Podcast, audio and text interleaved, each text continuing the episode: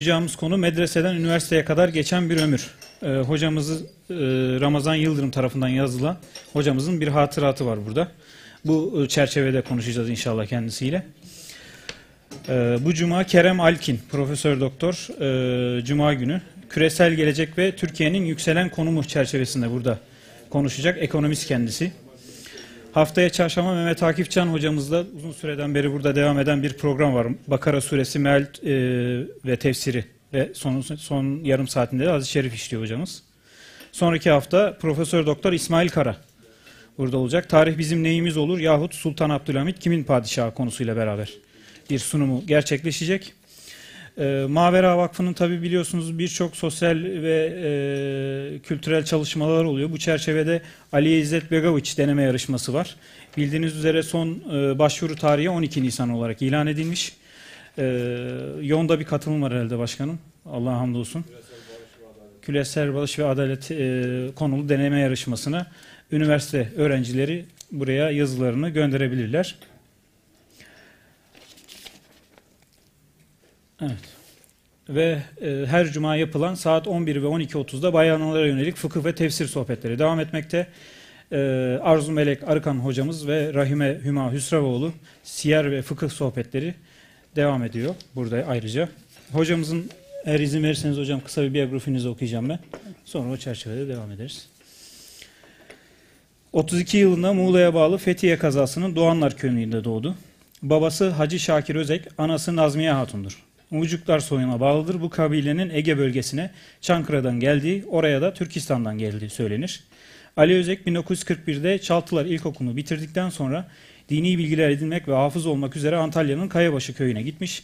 Orada Ömer Ali Hafız'dan Kur'an öğrenmiş ve 1944 senesinde hafız olmuştur. Bir müddet Fethiye'de avukat Kadı Ahmet Kestepli'nin yanında çalıştıktan sonra İzmir'deki Kestane Pazarı Kur'an kursuna gitmiştir. Burada Hacı Salih Tanrı buyruğu hocadan Arapça ve dini ilimler tahsil etmiş ve bu arada Karataş Ortaokulu'nu bitirmiştir.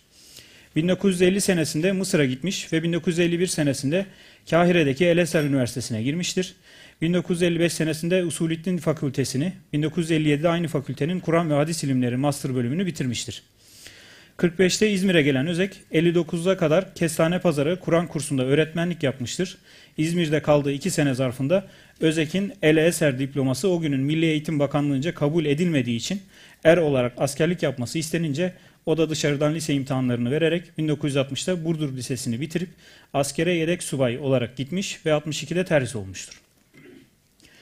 62'den önce İstanbul İmam Hatip Lisesi'nde öğretmenliğe başlamış. Daha sonra 62-63 ders yılında İstanbul Yüksek İslam Enstitüsü'ne Arap Dili ve Edebiyatı öğretim üyesi olmuştur. Özek bu arada İstanbul Üniversitesi Edebiyat Fakültesine girmiş. 66'da Edebiyat Fakültesi Arap Fars Dilleri ve Edebiyatları bölümünü bitirmiş. Aynı fakültede doktora öğrenimine devam ederek 1973'te Edebiyat Doktoru ünvanını almıştır. Tez konusu Zemahşeri ve Arap lügatçiliğindeki yeridir. 79'da İstanbul Yüksek İslam Enstitüsü Müdürlüğü'ne getirilen Özek 82 yılına kadar 3,5 yıl bu görevi sürdürmüştür. Bilgi, görgü arttırmak ve dil öğrenmek için 84 yılında İngiltere'ye gitmiş ve orada bir yıl kalmıştır. Daha sonra 86'da doçent, 91'de profesör olmuştur.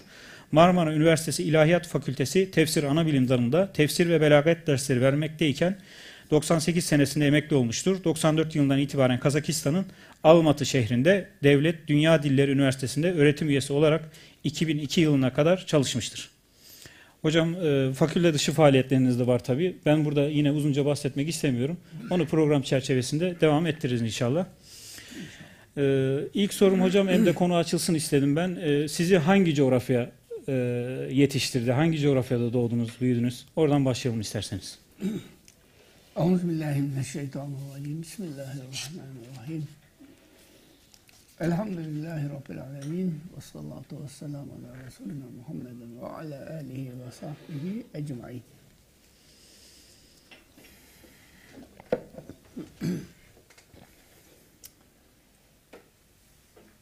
Efendim, e, hazırunu ve dinleyicileri hepinizi hürmetle, saygıyla selamlıyorum. Beni dinleme zahmetinde bulunduğunuz için hepinize teşekkür ederim. Allah razı olsun. Sağ olun. Sesim geliyor değil mi? Sesi iyi hocam. Ha, tamam. Bendeniz Fethiye'nin Doğanlar yani Muğla vilayeti Fethiye'nin Doğanlar köyünde doğdum. Şimdi Doğanlar köyünün bir özelliği var. Bizim köy Doğanlar köyü bir tarafı Antalya vilayet olarak bir tarafı Burdur. Yani öyle bir yerde ki üç vilayetin bitiştiği bir noktada bulunuyor bizim köy. Ve Doğanlar Köyü Seki yaylası yani Seki bir nahiyedir. Oraya bağlıdır. Ve Elmalı'ya çok yakınız biz. Aşağı yukarı 4-5 saatlik yürüyüşle bir zaman içerisinde Elmalı'ya varabilirsiniz. Zaten arada bir dağ var. Tabii e, o sebeple bizim o bölgede yaşayan insanlar Elmalı medreselerinde hep okumuşlar. Ben aklım erdiği zamanda küçükken bizim köyde hatırladığım kadarıyla 17 tane medrese mezunu hoca vardı. Hepsi köyde tabii. İşte o Doğallar Köyü bir dağ köyüdür. Yani dağ eteğinde bir köydür. Eski bir köy. Çünkü ben araştırdım. Yavuz Selim devrinin defterlerini inceledim. Başbakanlık arşivinde. Ve o zaman bu köyün mevcut olduğunu gördüm. Köyün asıl adı Doğan Taş. Sonra Doğanlar oluyor. Tabi bölge çok ormanlık bir bölge. Her çeşit hayvan ve kuşlar var. Doğan avcılığı yaparmış insanlar. Hatta bizim köyün içinde bir taş vardır. İşte oradan doğan uçururlarmış.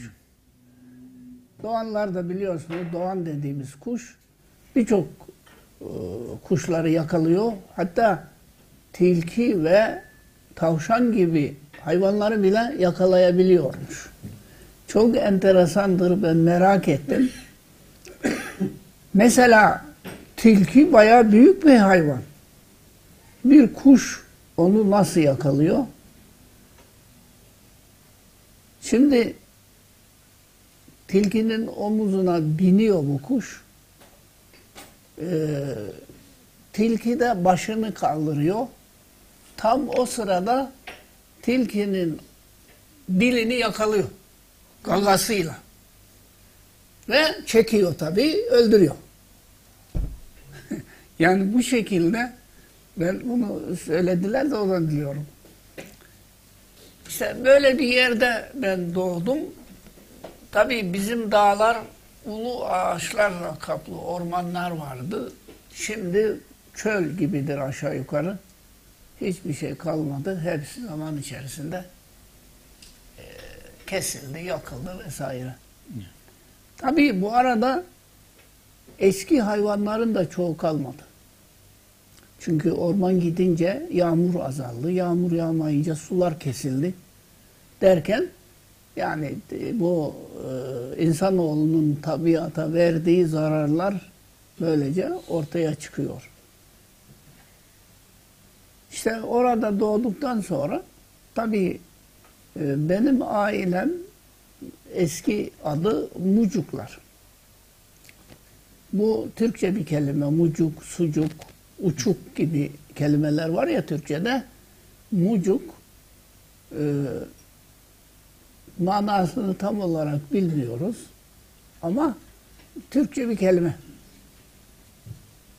Sonra biz e, soyadı kanunu çıktığı zaman e, üç soyadı almış bizim. Çünkü bu Mucuklar sülalesi köyün yarıdan fazlası bu sülaleden zaten. Bir kısmı Duman olmuş, bir kısmı Ertuğrul olmuş, bir kısmı da Özek olmuş. Benim dedemden gelenler Özek soyadını almışlar. Ve böylece Özek olmuşuz. Mucuklar ortadan kalkmış. Tabii biz Doğanlar Köyü'nde 30'lu yıllarda ilkokul yoktu. Bir köy ileride bekçiler var. Ondan sonra Çaltılar köyü var. Bu köyde üç sınıflık bir ilkokul vardı. İşte ben o üç sınıfı o köyde okudum yatılı olarak. Babam rahmetli meraklıydı bu işlere. Kendisi de Elmalı medreselerinde okumuş. Tam İzhar'a geldiği zaman medreseler kapatılmış. Onu anlatırdı medreselerin kapatılma hikayesini. Kısaca derdi ki emir gelmiş, medreseler kapanmış. Hocalar toplandı diyor. Herkes ağladı. İşte medreselerdeki eşyalar şöyle toplanacak, depolara konacak vesaire bunlar konuşuldu. Ve hocalar, talebeler ağlaşarak ayrılmışlar. Babam bunu söyledi. Çünkü babam da o sırada medresede talebeymiş. Tabii ben ilkokulu üçüncü sınıfı orada okudum Çaltılar Köyü'nde. Şimdi Çaltılar Köyü bir bakan yetiştirdi. Ee, bir kadın sosyal e, bakanı var ya. Ha? Fatma Betül Sayan. Fatma, Fatma Betül Betül Sayan. Sayan Evet. Çaltılar Köyü'ndendir. Yani babası Çaltılar Köyü'nden. Bu e, babası da benim talebem. Yüksek İslam Enstitüsü'nden mezundur. E, dolayısıyla Çaltılar Köyü bir de bakan yetiştirmiş olduk. Eyvallah. E, sonra üçüncü sınıfı bitirince 4 ve 5 açıldı. 4 ve 5'i de ben e, yürüyerek gidip gelerek okudum. Bir buçuk saat gidiş, bir buçuk saat dönüş. O şekilde bir mesafeydi. Tabii e, ilkokul bitirince o zaman e, müfettişler geliyor okullara. Talebeleri imtihan ediyorlar, seçip e, İzmir'deki Kızılçullu Öğretmen Okulu'na gönderiyorlar. Kızılçullu Öğretmen Okulu biliyorsunuz e, e, köy enstitüsü bu. Adı Kızılçullu. Babam bana tembih etti. Dedi ki seni de seçerler belki. Ben istemiyorum de. Dedi. Ben de seçtiler beni. Ben de istemiyorum dedim. Üç hoca tabii komisyon olarak e, talebeleri imtihan ediyor. Hocalardan birisi bana çok kızdı. Bağırdı, çağırdı. Sen kim oluyorsun da istemiyorsun falan filan. Herkes can atıyor. Falan. Fakat hocalardan birisi de dedi ki ya dedi önemli değil dedi. Bu istemiyorsa isteyenleri göndeririz falan dedi. Ve böylece Kızılçullu köy enstitüsüne gitmekten kurtuldum. Tabii babam bana dedi ki ben seni Antalya'ya göndereceğim. Antalya bize hudut zaten, vilayet. O vesileyle Antalya'ya gittik. Orada hafızlar çalıştım. Antalya'da hafız oldum. O zaman Antalya'da Müsellim Camisi vardı merkezde. Orada resmi bir Kur'an kursu vardı. Biz orada okumadık da ben birkaç ay orada da kaldım. Belki içinizde adını duymuş olanlar vardır. Antalyalı Rasi Hoca diye birisi vardır eski. Atatürk zamanında mepus bu. Soy ismini bilmiyorum. Rasi Hoca diye meşhur. Bu medreselerde okumuş hoca bir adam. Orada o bir gün oraya geldi. Bize bir konuşma yaptı. Ben orada gördüm onu. Sonradan öğrendim ki o devirde e, meşhur bir adammış.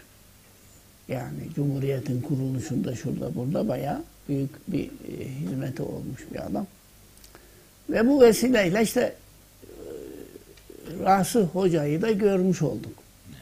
Bilmiyorum duyan var mı içinde adını? Belki Antalyalı olan varsa bilir. Sonra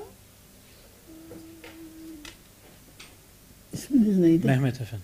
Mehmet Bey'in de dediği gibi ben Fethiye'de tabi ilkokul mezunuyum, tahsilim yok. Fethiye'ye geldim.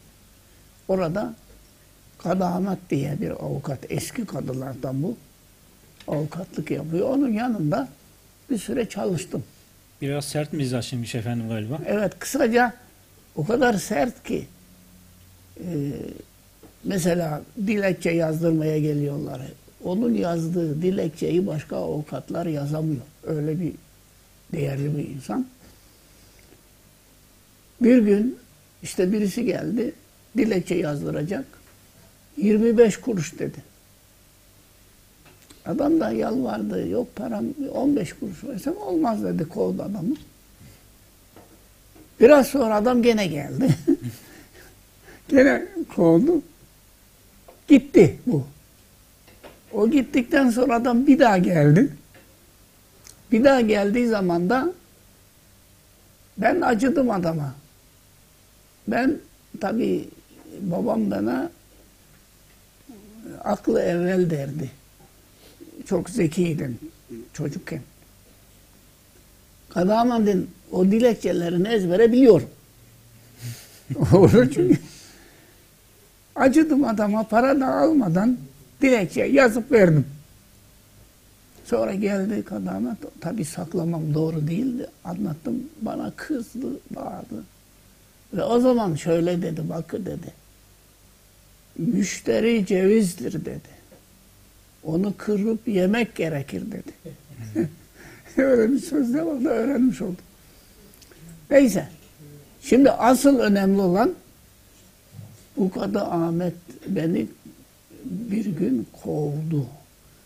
Çünkü çok değerli bir ilim adamıydı bu. Avukat ama kadı. Eskiden dönemi. okumuş Osmanlı döneminde. Evet. Bana bir kitap verdi. Bunu oku dedi. Ben de okudum kitabı. Bir odada kalıyorum böyle yüksekte bir penceresi var. Oraya koydum kitabı. Kitap oradan kayboldu. Sonra istedi kitabı. Ben de getireyim dedim. Aradım kitap yok. Aradım aradım. Gittim kitabı kaybettim. Dedi ki sen dedi kitabı vermemek için yalan söylüyorsun dedi bana. Ben ne dediysem anlatamadım. Aradan bir müddet geçti. Kitabı getir dedi gene. E yok kitap. Arıyorum arıyorum yok. Ondan sonra aradan birkaç gün daha geçtikten sonra bana dedi ki sen dedi kitabı vermiyorsun madem defol git dedi. Ya öyle bir zamanda dedi ki 15 günlük o, o zaman öyleydi yani 15 günde bir haftalık alıyordu. Böyle aylık değil de haftalık ver- veriyordu. 15 günde bir veriyordu. Tam da o 15 günde olmak üzereydi. Paranızı alamadınız. Beni kovdu. Yazarların anahtarını da aldı. Neyse ben ne yapayım? Başka çaresi yok. Oradan çıktım ama ne yapacağımı da bilmiyorum. Çünkü e, ben hafızım. İşte camide müezzinlik yapıyorum icabında falan. Böyle herkes de bana itibar ediyor. Kadı Ahmet beni kovunca tabii Fethiye'de kalmam mümkün değil. Meşhur bir kimse çünkü. Evet. E başka bir yerde iş bulmak falan zaten düşünmedim çünkü herkesten utanıyorum. Evet. Neyse bir sene önce Muğla'da mukabele okumuştuk. Orada bir Süreyya Efendi diye eski bir dersi ağam vardı. Bizim mukabeleleri takip ederdi. Bizi birkaç defa da iftara davet etti. Aklıma geldi. Gideyim Muğla'ya. Bana bir iş buluversin. Orada çalışayım. Kalktım Muğla'ya gittim. Yani Fethiye'de kalmam mümkün değil. Çünkü tanıdığım birçok kimseler var. işte bilmem neler var. Yemek yediğim bir lokanta vardı. o lokantanın bir kızı var. Gelip gidiyor arkadaşlar da işte diyorlar ki bu kız sana göre falan gibi bir şeyler. Yani orada kalmam mümkün değil. Onun için gittik Muğla'ya. Gittim Süreyya Efendi'ye.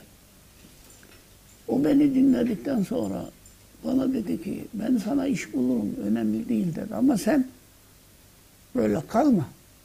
Bir hafızlıkla kalma. Ben seni İzmir'e göndereyim.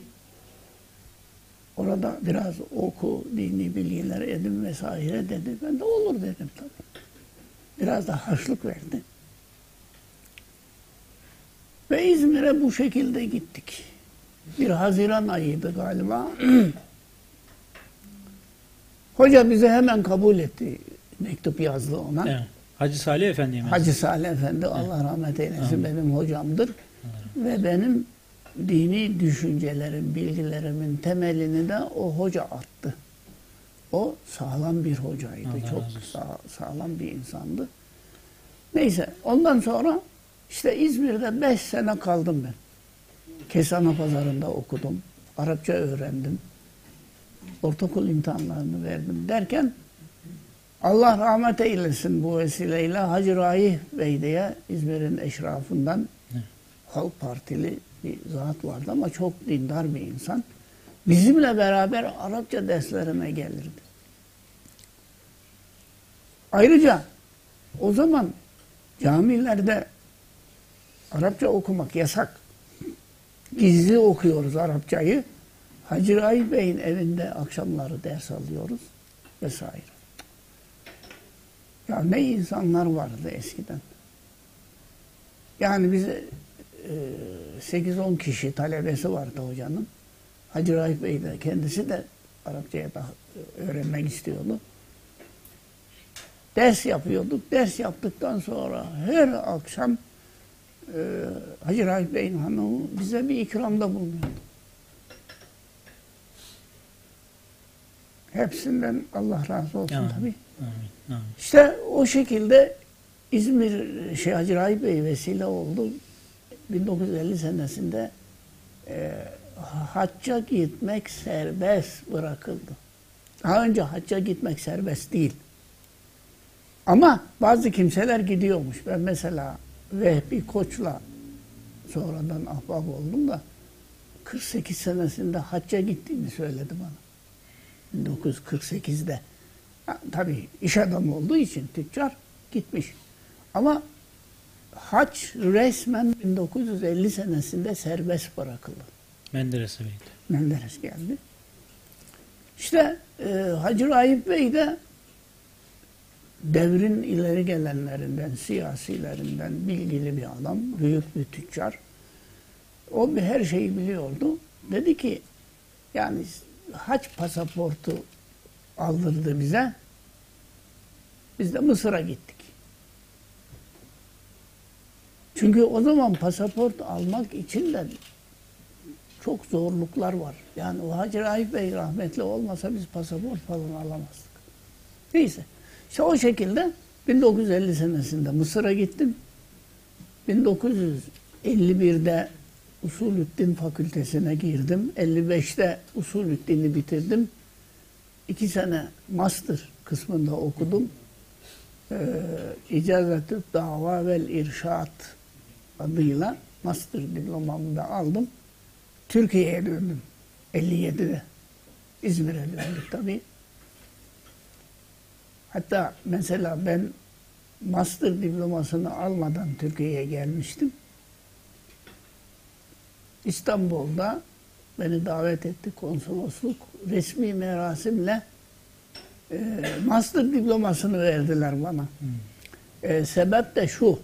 Çünkü bizim master diplomasında Cemal Abdülnasır'ın imzası var. O zaman Cumhurbaşkanı o. Evet. Yani master diplomasına Cumhurbaşkanı imza atıyormuş. Eskiden profesörlere de Cumhurbaşkanı imza atardı bazı derecelerde. Evet. O vesileyle merasimle o diplomayı verdiler bana. Tabii hocam Mısır demişken Mısır'ın da bizle olan irtibatına biraz burada sizin üzerinizden değinmemiz e, gerekecek. Bizi ilgilendiren tarafı fazlaca var. Yani Mısır e, Mısır'la ilgili tabii ben hat- hatıratımda Evet. yazdım bunları da. 1955 senesinde ben 55'te üniversiteyi bitirdim. Ee, Mısır'a Menderes bir heyet gönderdi. 15 kişilik. Ali Fuat Cebesoy Paşa'nın başkanlığında. Eyvallah. Ali Fuat Cebesoy Paşa Demokrat Parti mehbusuydu. Biliyorsun Mustafa Kemal'in yakın arkadaşlarından o. Ee, o vesileyle işte Mısır'a geldi. Biz de Ezer Üniversitesi öğrencileri olarak o zaman bizi devlet tanımıyor. Yani bizim yurt dışında okuma hakkımızı kaldırdılar. Biz idareten okuyorduk. Pasaportunuz Pasaportsuz olarak Evet, kalıyorduk. tabii. Yani Mısır bize e, müsaade etti. Efendim ve ben hayatımda o Ali Fuat Cebasoy gibi Ali canap fazilet ehli bir insan görmedim. O kadar cana yakın, bize o kadar iyi davrandı. Neyse işte Ali Fuat Cebesoy Paşa da beni yandan ayırmadı hiç. Onlara mütercim vermişler. Mütercim de olsun dedi. Sen de ol. Yanlış yaparsan söylersin. Dedim bana. Neyse. işte o zaman Ali Fuat Cebesoy bir gün opera meydanı var Mısır'da. Oradan geçerken arabasını durdurdu. Biz de arabada beraberiz. Çocuklar dedi 1914'te 14 Birinci Dünya Savaşı Savaş. çıktı ya 14'te. Mülazım olarak Mısır'a gönderildim dedi. Ben geldim dedi buraya dedi. Mısır 1914'te Osmanlı Devleti'nden 50-60 sene ileriydi dedi. Şimdi 1955'te Mısır gene Türkiye'den 50-60 sene ileridir dedi. Onu ondan dinledik tabii. o Kahire'nin nüfusu 4-5 katı İstanbul'un zannediyorum o zaman. O Kahire 4 milyon, İstanbul 500 bin nüfusu İstanbul'un o zaman. Yani biz Kahire'ye gittiğimiz zaman da böyle bir kalabalık şehir, caddelerde insan selinden geçilmiyor. Şimdi İstanbul'da öyle. Şimdi şaşırıyorduk ya. 4 milyon nüfusu var. 4 tane üniversite var. İstanbul'da bir tane üniversite var o zaman.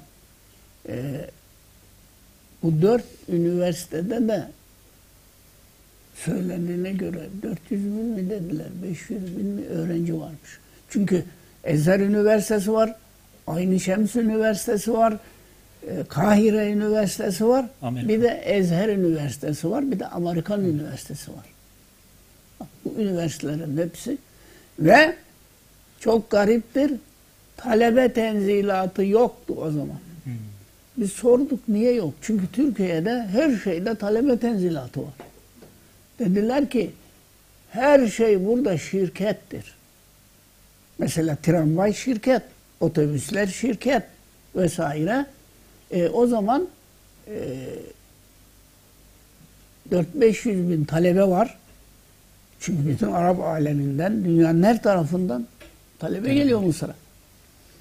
E, talebe tenzilatı olsa bu şirketler zarar eder dediler. Onun için e, karar almış devlet. Talebe tenzilatı yoktu. Sadece uçaklarda vardı yüzde elli. İşte Mısır o zaman öyle bir memleketti. Peki ne oldu da Mısır şu anda Türkiye'den en az 50, 100 sene geridir Mısır şu anda. Askeri idara mahvetti Mısır'ı.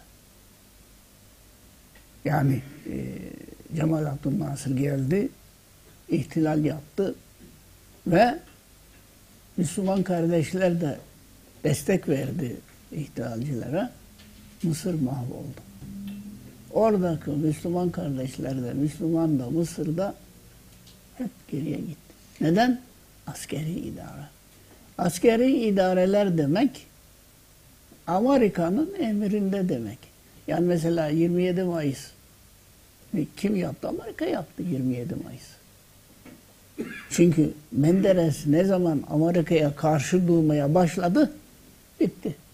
Askeriye zaten Amerika'nın elinde. Askeriyenin her şeyini, silahını, cephanesini, arabalarını hep Amerika veriyordu biliyorsunuz. Evet. O zaman. Dolayısıyla e, Mısır ihtilal yaptı. Mısır'daki ihtilal da Amerika yaptırdı.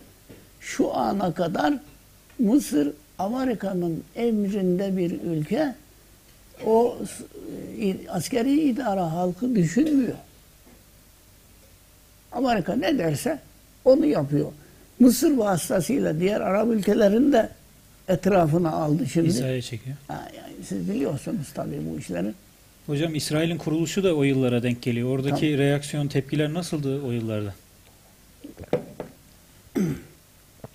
Tabii şimdi Mısır şey İsrail 48'de kuruldu biliyorsun. Ee, Mısır devamlı yani bu şeye kadar e, Nasır'ın ihtilal yapıp Mısır'ı eline geçirmesinden önceki devirde Mısır İsrail'e karşıydı. Kral Faruk aynı zamanda pilottur. Onun bir sözü vardı. İsrail'le bir gün savaşa gireceğiz. İlk bombayı ben atacağım diyordu. Kral Faruk. Yani Kral Faruk hakkında yazılanların yüzde doksanı yalandır. Çok şey yazıldı onunla ilgili. Ama öyle değil mesele. Menderes hakkında yazılanlar da öyledir. Tabii siz o devirleri bilmezsiniz. Çünkü beşinci kol hep öyle yapıyor. Önce bir adamı düşürmek için aleyhinde yazıyor bilmem ne. Fısıltı gazetesini kullanıyor. Sonra da onu deviriyor. Evet yani Mısır şu anda gerçekten e, zor durumda. Ben birkaç sene o gitmedim ama arada bir gidiyordum. Hocam Sebep sebep askeri idaredir. Askeri idareler daima milletin üzerinde bir yüktür. Nerede bir askeri idare varsa orada millet sıkıntıdadır. Evet. Şimdi tabii e, Mısır hakkında ben bu hatıratımda yazdım birçok şeyler evet. biliyorsun. Sen yalnız zamanı şey yap. eyvallah. zaman- Hocam e, Mustafa Sabri Efendi ile görüşmeniz var. Ha, şimdi biz Mısır'da kaldığımız sürede e, Mısır'da Osmanlı hanedanından son veliaht oradaydı. Başkaları da vardı. ben onların hepsiyle görüştüm. Bu Şevket Bey diye birisi vardı gene hanedandan. Bu Abdülaziz'in soyundan gelen bir e, şehzade. Sabri Efendi de onun evinde kalıyordu bir süre. Biz de devamlı her hafta ziyaretine gidiyorduk Sabri Efendi'nin.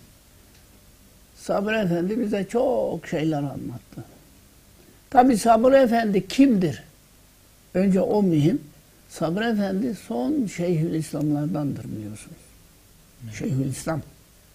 Şeyhülislam demek Osmanlı Devleti'nde padişahtan sonra gelen ikinci adamdır. Sadrazamların rütbesi üçüncü yani Şeyhülislam'dan sonra gelir. İşte bu kişi Şeyhülislamlık makamına kadar gelmiş. O sırada İngilizler İttihat ve Terakki Partisi'ni kurduruyorlar. İttihat ve Terakki Partisi'ni kuranlar İngiliz. Yani kendileri İngiliz olmasa bile düşünce olarak hepsi İngiliz. Fakat öyle bir propaganda yapıyorlar ki münevverlerin öze, özellikle hocaların çoğu inanıyor itaatçılara.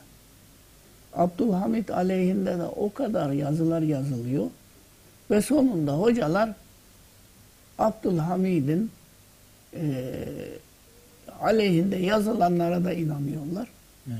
Ve neticede Abdülhamid'i hocalar tahttan indirdi biliyorsun. Evet fetva verdiler. Fetva verenler içerisinde bak. Şeyhülislam Sabri Efendi, tefsir sahibi Elmalı, Elmalı Hamd Efendi, Bediüzzaman Şeyh Said gibi Mehmet Akif de var bunların Evet. arasında. O devrin ileri gelen uleması hep itaatçı oldular. Neden itaatçı oldular? Çünkü itaatçıların üç tane sloganı vardı. Adalet, hürriyet, musavat. Bu kelimelerin manasını biliyorsunuz tabii. Ha? Adalet, Adalet. malum. Hürriyet, Hürriyet o da malum. musavat. Musavat eşitlik demek. Yani Osmanlı Devleti'nde halk eşit değil. Bunu herkesi eşit yapacağız. İşte sosyal de anlayış gibi Fransız falan. ihtilalinin söylemleri aslında Evet. kopyası. Buna inanmış. Şimdi Sabri Efendi bize anlattı. Abdülhamid'i devirdiğimiz zaman bir hafta sevinçten uyuyamadık ya diyor. Dünya bize toz pembe göründü diyor. Ama sonra anladık ki ne büyük hata yapmışız. Evet. Tabi bu Abdülhamid'i devirenler Baba Ali isyanı vardır bir Osmanlı. İşte onu yapan onlar. Orada da başarısız oldular. Şeyhülislam Sabri Efendi kaçtı. Yani Osmanlı Devleti o hale gelmiş ki rıhtımdaki bir yabancı gemiye bir katil, bir cani, bir suçlu sığındığı zaman da devlet onu yakalayamıyor. İşte Sabri Efendi'de bir Romanya gemisi varmış o sırada. Gemiye sığınıp öyle kurtuldu. Kurtulmuş yani. Tabii şimdi Sabri Efendi çok hareketli, zeki bir kimse. Yani 80 küsür yaşında o zaman bize konuşmaya başladığı zaman da genç bir adam gibi konuşuyordu. Öyle bir tip. Tabii Sabri Efendi ile bizim aramızda bir takım olaylar da vardır. Evet. Onu kısaca şöyle söyleyeyim. Ben tabii 1953 senesinde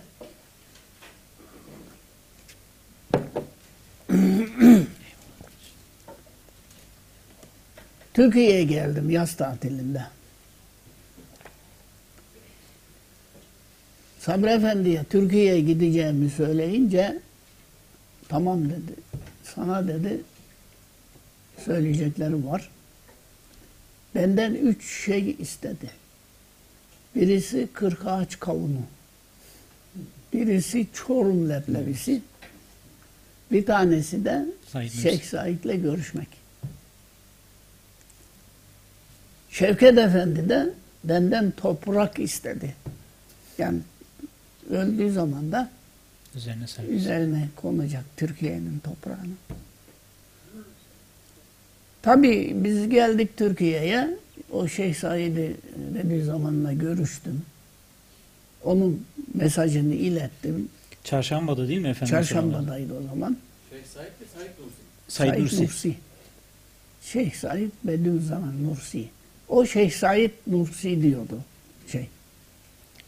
Bunlar koyu iddiacı Bediüzzaman da o devirlerde hem Kürtçü hem de Osmanlı düşmanı bunlar. Yani ne sebepse Osmanlı'ya, Abdülhamid'e karşı bunlar düşman olduğu için iddiaçı oluyorlar zaten. Ama Bediüzzaman sonra eski Said, yeni Said diye bir kitap yazarak tevbe etmiştir. Ben o kitabı okudum. Bilmiyorum içinizde Nurcu var mı? Nurcular şimdi böyle bir kitap yoktur diyorlar. Bu çok yanlış bir şey. Ben şahideyim bunun. Okudum bu kitabı. Orada her şeyi anlatıyor kendisi Bediüzzaman ve yanlış yolda olduğunu sonra da dönüyor İslam'a. Zaten e, nurculuğu böyle başlatmıştır Bediüzzaman. Neyse tamam. Yani Sabri Efendi'ye de galiba o da bir şeyler söylüyor size. tabii şimdi e, Sabri Efendi'nin mesajı şuydu. Hı. Şeyh Said'e e, Bediüzzaman'a benden selam söyle. E, ona sor kaç tane talebesi var. Hı hı. O sana bir cevap verecek. E, neden duruyor harekete geçmiyor? Bir hareket yapıp çünkü e, Şeyhülislam Sabri Efendi o zaman da bile Cumhuriyet devletine karşıydı. Evet. Düşüncesi öyleydi. Ben de bunu Bediüzzaman'a anlattım. Hı hı. Tabii şimdi Bediüzzaman çok akıllı, zeki, bilgili bir insan. Ben öyle gördüm. Ben biz içeriye girdiğimiz zaman da o da onu görmekte büyük problem oldu da sonra başardık. Uzanmış divanda yatıyordu. Saçları beyaz uzundu. Sakalı yoktu. Ondan sonra biz de içeri girdik. Elini öptük. Oturduk. Ondan sonra ben Şeyhülislam Sabri Efendi'nin selamı var dedim. Ben öyle deyince hemen kalktı doğruldu. Oturdu divana. Aleykümselam dedi. Kelamı nedir dedi. Biz de anlattık durumu. Sen dedi Sabri Efendi'ye söyle dedi. 500 bin şakirdimle onun emrindeyim. O gelsin Türkiye'ye bu hareketi o başlatsın. Ben de onun emrinde talebelerimle çalışırım falan dedi. Sonra bana sordu. Sen dedi Ali Kılınç Alp'in bahsettiği Ali Özek misin dedi. Sizin Arapça öğrettiğiniz bizzat ona. Bu Ali Kılınç Alp Emirdağ'ında Bediüzzaman Emirdağ'ında kaldı ya bir süre. Evet. Orada ona hizmet etmiş. Sonra Mısır'a geldi bu arkadaş. Yaşı biraz ileri. Tabi sistem, Ezler'deki sistem böyle gelen kimseleri iptidai birinci sınıfa veriyorlar. O dil biliyor, bilmiyor, bakmıyorlar ona. Hı hı. O da bir gün bana dedi ki ya dedi bana biraz dedi ders verir misin dedi. Ben de olur dedim. Tabii şimdi size garip gelecek ama şimdi bu Bediüzzaman'a hizmet ettiği için çok güzel çay yapar, yemek yapar. Ee, odası temiz. E şimdi ben de para mara istemiyorum ama güzel yemek yapıyor, çay yapıyor. Beraber yemek yiyoruz, çay içiyoruz. Ona ders veriyordum. O da bana Bediüzzaman'la mektuplaştığını söylüyordu. Hı. İşte senin selamı var diyordu. Ona yazıyormuş işte ben benden ders Ali Özek'ten ders alıyorum falan diye. Bu Bediüzzaman hemen bunu hatırladı bana sordu. Ben dedim tamam dedim ben Ali Kılınç Alp'a ders veriyordum. İşte sordu onun ahvali ben de anlattım. İşte o şekilde e, bir buçuk iki saat gibi bir sohbetimiz oldu. Zahid El Kevseri ile görüştünüz mü hocam Mısır'da? Tabii siz onu da çok ziyaret ettim Mısır'da. Zahidül Kevseri. Orada Ali Zeki Efendi vardı Konyalı. Eyvallah. Şemsettin Hoca vardı Trabzonlu. Yani Konyalı başka hocalar vardı. Evet. Bunlar eskiden Mısır'da Yozgatlı İhsan okumuş. Efendi vardı. Yozgatlı İhsan Efendi. Said Nursi ben emrine amadeyim derken kendisi gelsin halletsin anlamında mı söyledi? Evet, evet. olarak mı söyledi? Yani? Ya o dedi ki yani şimdi ben kısa kesiyor. İçeriden gazel okuyor anlamında mı söyledi? Yok yok kısa kesti. Bediüzzaman dedi ki bizim davamız iman davasıdır. Binaenaleyh biz hareket adamı değiliz dedi. Hareket adamı Şeyhülislam Sabri Efendi'dir dedi. O gelsin, başımıza geçsin, biz onun emrinde ne isterse onu yaparız falan. Buna bu- bayağı konuştuk yani. Dedi ve demek istedi aslında bir şeyler. Dedi. Bunları ben de ona kendisine ilettim. Fakat Evet. Şeyhülislam Sabri Efendi ben Mısır'a döndüğüm zaman da 53'te yatakta hasta yatıyordu. Vefat etti sonra. Evet. Şeyhülislam Sabri Efendi'yi de kabire ben koydum bir arkadaşla beraber. Çünkü Mısır'da bizdeki gibi kabiristan yoktur. Kabirler yer altında mahzendir.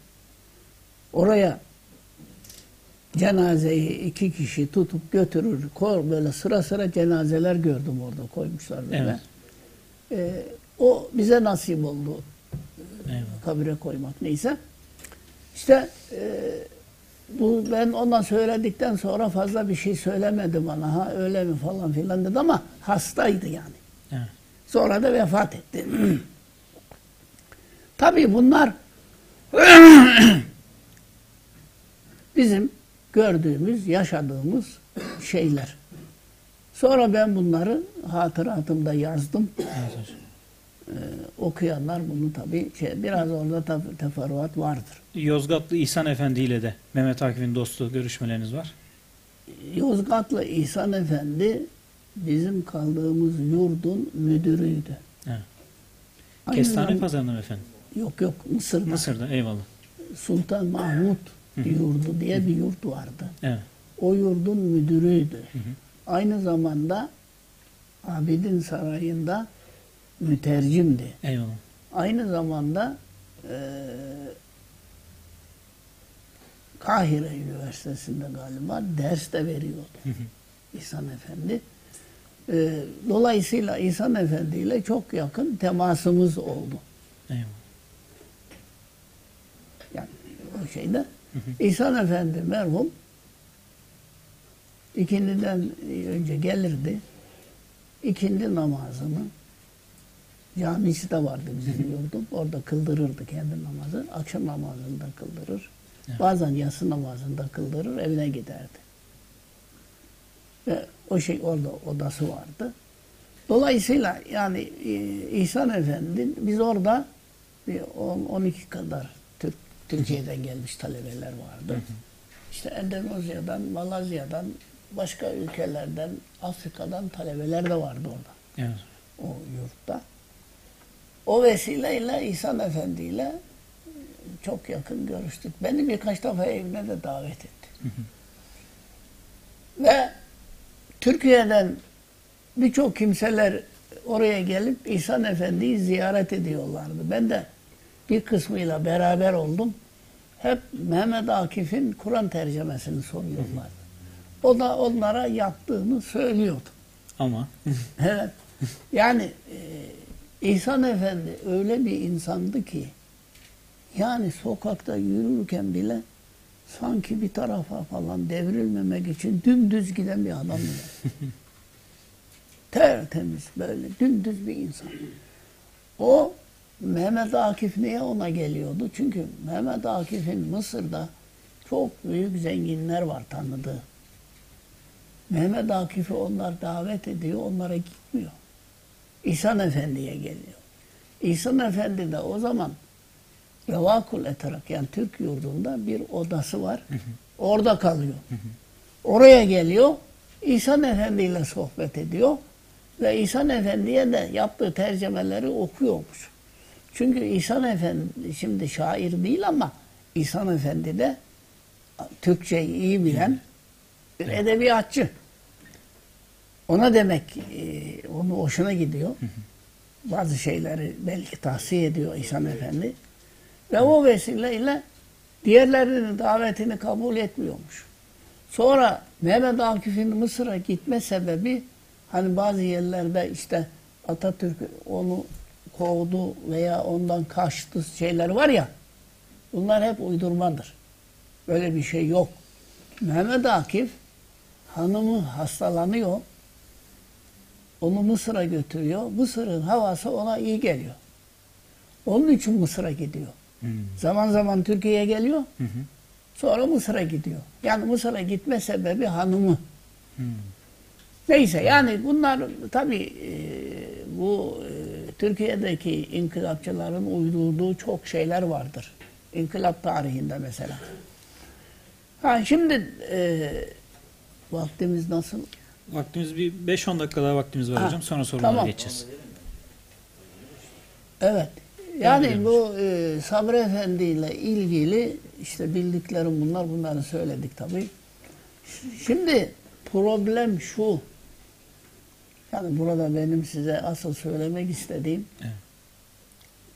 efendim Osmanlı'nın son döneminde biliyorsunuz devlet ıslahı medariç diye bir şey başlatmıştır. Evet. Bunu duymuşsunuzdur. Diyanet'in çıkardığı ansiklopedide de bunu bu yazıldı bu konu. Halis Ayhan yazdı bu konuyu. Bayağı da güzel yazmış. Efendim? Yani medreseyi devlet değiştirmek istedi. Ama başaramadı. Başaramayınca mektepler açtı devlet. Bu sefer medrese mektep kavgası başladı Osmanlı'da. Bu konuda kitaplar yazılmıştır. Merak eden araştırsın. Evet. Çünkü yani Cumhuriyetle başlamıyor iş. Osmanlı'dan tabii tabii itibaren. Osmanlı döneminde sonra Darul Hilafe diye bir medrese de açtı Osmanlı. Evet. Yani medreseden farklı olarak. Dolayısıyla hatta o noktaya geldi ki bu gerici tabiri o zaman başlamıştı. Şimdi e, mürteci yani e, Arapçası mürteci. E, Şimdi mektepliler medreselerle mürteci, medreseliler mekteplilere de kafir demeye başladılar. Evet. Böyle bir çatışma. Ve bu konuda kitaplar da yazılmış o devirde. Dolayısıyla şimdi e, ben burada size söyleyeyim ama araştırın. Benim söylediğime inanmayın. Çünkü araştırma ve sorgulama çok çok önemlidir insan hayatında. Osmanlı Devleti'nin devlet olarak zayıflamasının sebebi medreselerdir. Yani bir toplumu yetiştiren okullar değil mi? Evet. Medrese, medrese. Medresenin özelliği ilkokul, ortaokul, üniversite. Hepsinin adı medrese. Evet. Fakat medresede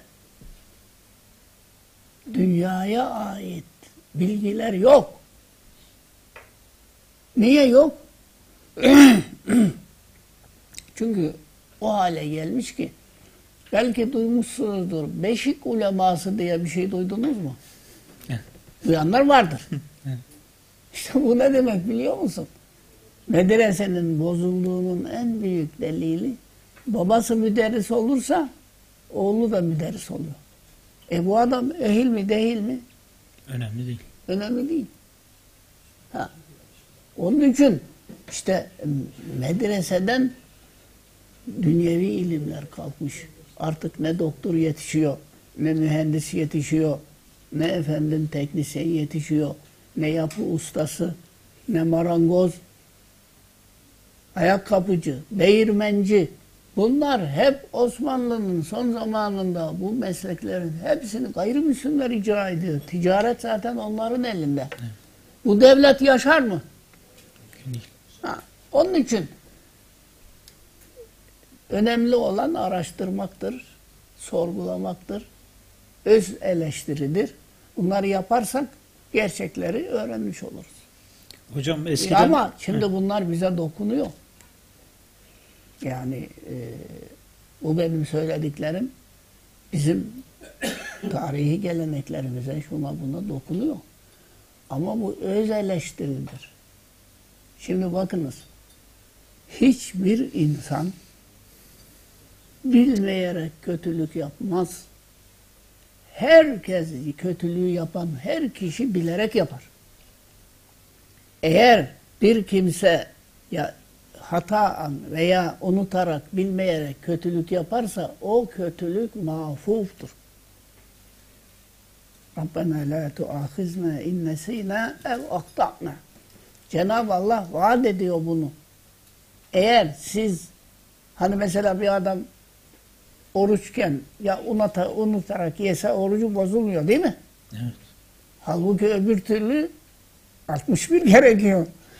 Yani çünkü Allah iradesiz yapılan işleri affediyor. Ya hatan birisine zarar verdin değil mi? Evet. Zaten kanunda da bunlar bugünkü kanunlarda da yeri var değil mi? Evet. Hatan bilmeyerek bir şey yapmak var. Bir de bilerek yap. Kötülükleri yapan insanlar bilerek yapar. Bankayı soyan adam plan program yapıyor. Yakalanacağını, ceza göreceğini, her şeyi bilerek her şey plan, program yapıyor, gidiyor, bankayı soruyor, yakalanıyor veya yakalanmıyor ayrı mesele. Evet. Onun için biz insanoğlu böyle bir şeyiz. Eğer idareci olsun, halk olsun, ne yaparsa bilerek yapar. Ve bilerek yaptığı için de sorumludur. Eğer bilmeyerek hata yapan sorumlu değil. Buna şeyde e, bir tedbir cezası vardır sadece. Yani tedbir, tedbirsiz. Onun bir hikayesi de var. Mesela yeni evlenmiş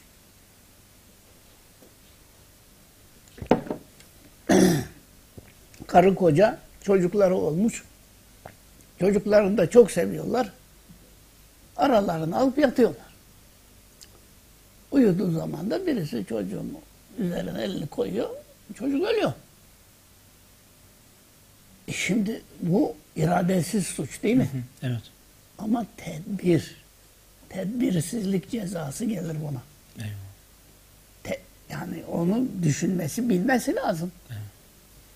O çocuğun kendisini müdafaa edemeyeceğini bilmesi lazım. İşte onun için yaptığımız her şeyi cezası, hatta Kur'an-ı Kerim'de ayetler var. Allah'ın huzurunda insanlar yarın inkar edecek yaptıklarını ama el, ayak, göz, kulak bütün azalar dile gelecek değil mi? Şahitlik edecek. Şahitlik edecek. Artık hiçbir, hiçbir şeyi saklayamayacaksın. Sonra zaten Cenab-ı Allah iradesiz olarak, unutarak, hataan yaptığımız kötülükleri, suçları zaten dünyada affediyor. Ahirette onun sorgusu yok. İrade önemli. İrade olduğu zaman da tamam. Evet. Hocam şimdi eskiden medreselerde halka dönük faaliyetler yoktu diyorsunuz Evet. size. Ee, yalnız bu Cumhuriyet sonrası dönemde, dinin baskılandığı dönemde ortaya cemaatler ve ST, sivil toplum kuruluşları çıkıyor. Evet. Ee, siz de tabii Mısır'da bulunmanız sebebiyle e, bunlar Osmanlı'nın devrettiği alimleri gördünüz, onlarla karşılaştınız. Ve sonra Türkiye'ye döndüğünüzde de cemaat şeyhleriyle, tarikatların liderleriyle görüştünüz. Evet. İkisi arasında nasıl bir fark vardı alet-i rüye itibariyle? Şimdi o konuda benim söyleyeceklerim şu. Tabii ben bu konuları araştırdım. Hem de sorguladım, sorguluyorum. Şimdi Osmanlı'nın son döneminde tarikatlar var. Efendime söyleyeyim tekkeler var. Zaviyeler var. Bazı e, siyasi veya gayri siyasi kuruluşlar da var. Yalnız tarikatlara gelince Osmanlı döneminde tarikatlar padişaha bağlı. Bazı padişahların da tarikatı var zaten. Mesela Abdülhamit Şazeli'dir. Evet. O çünkü Kuzey, Kuzey Afrika'da bir tarikat. Dolayısıyla tarikatlar Osmanlı döneminde kontrol altında idi. Mesela bir şeyh öldüğü zaman da padişah kimi işaret ederse o şeyh olur. Hı hı. E tabi bu sistem değişince şimdi verasete döndü bu iş. Değil mi? Evet, evet. İşte onun için tabi Osmanlı döneminde yani e, ben tabi şimdi bu takdiri ilahidir. Biz ona bir şey diyemeyiz. Osmanlı bir kabile olarak başladı. Üç kıtaya, dünyaya altı asır hükmetti. İngilizler adada yarı vahşi yaşayan bir toplumdu. O da çalıştı, gayret etti, dünyaya hükmetti. Değil mi? Yani.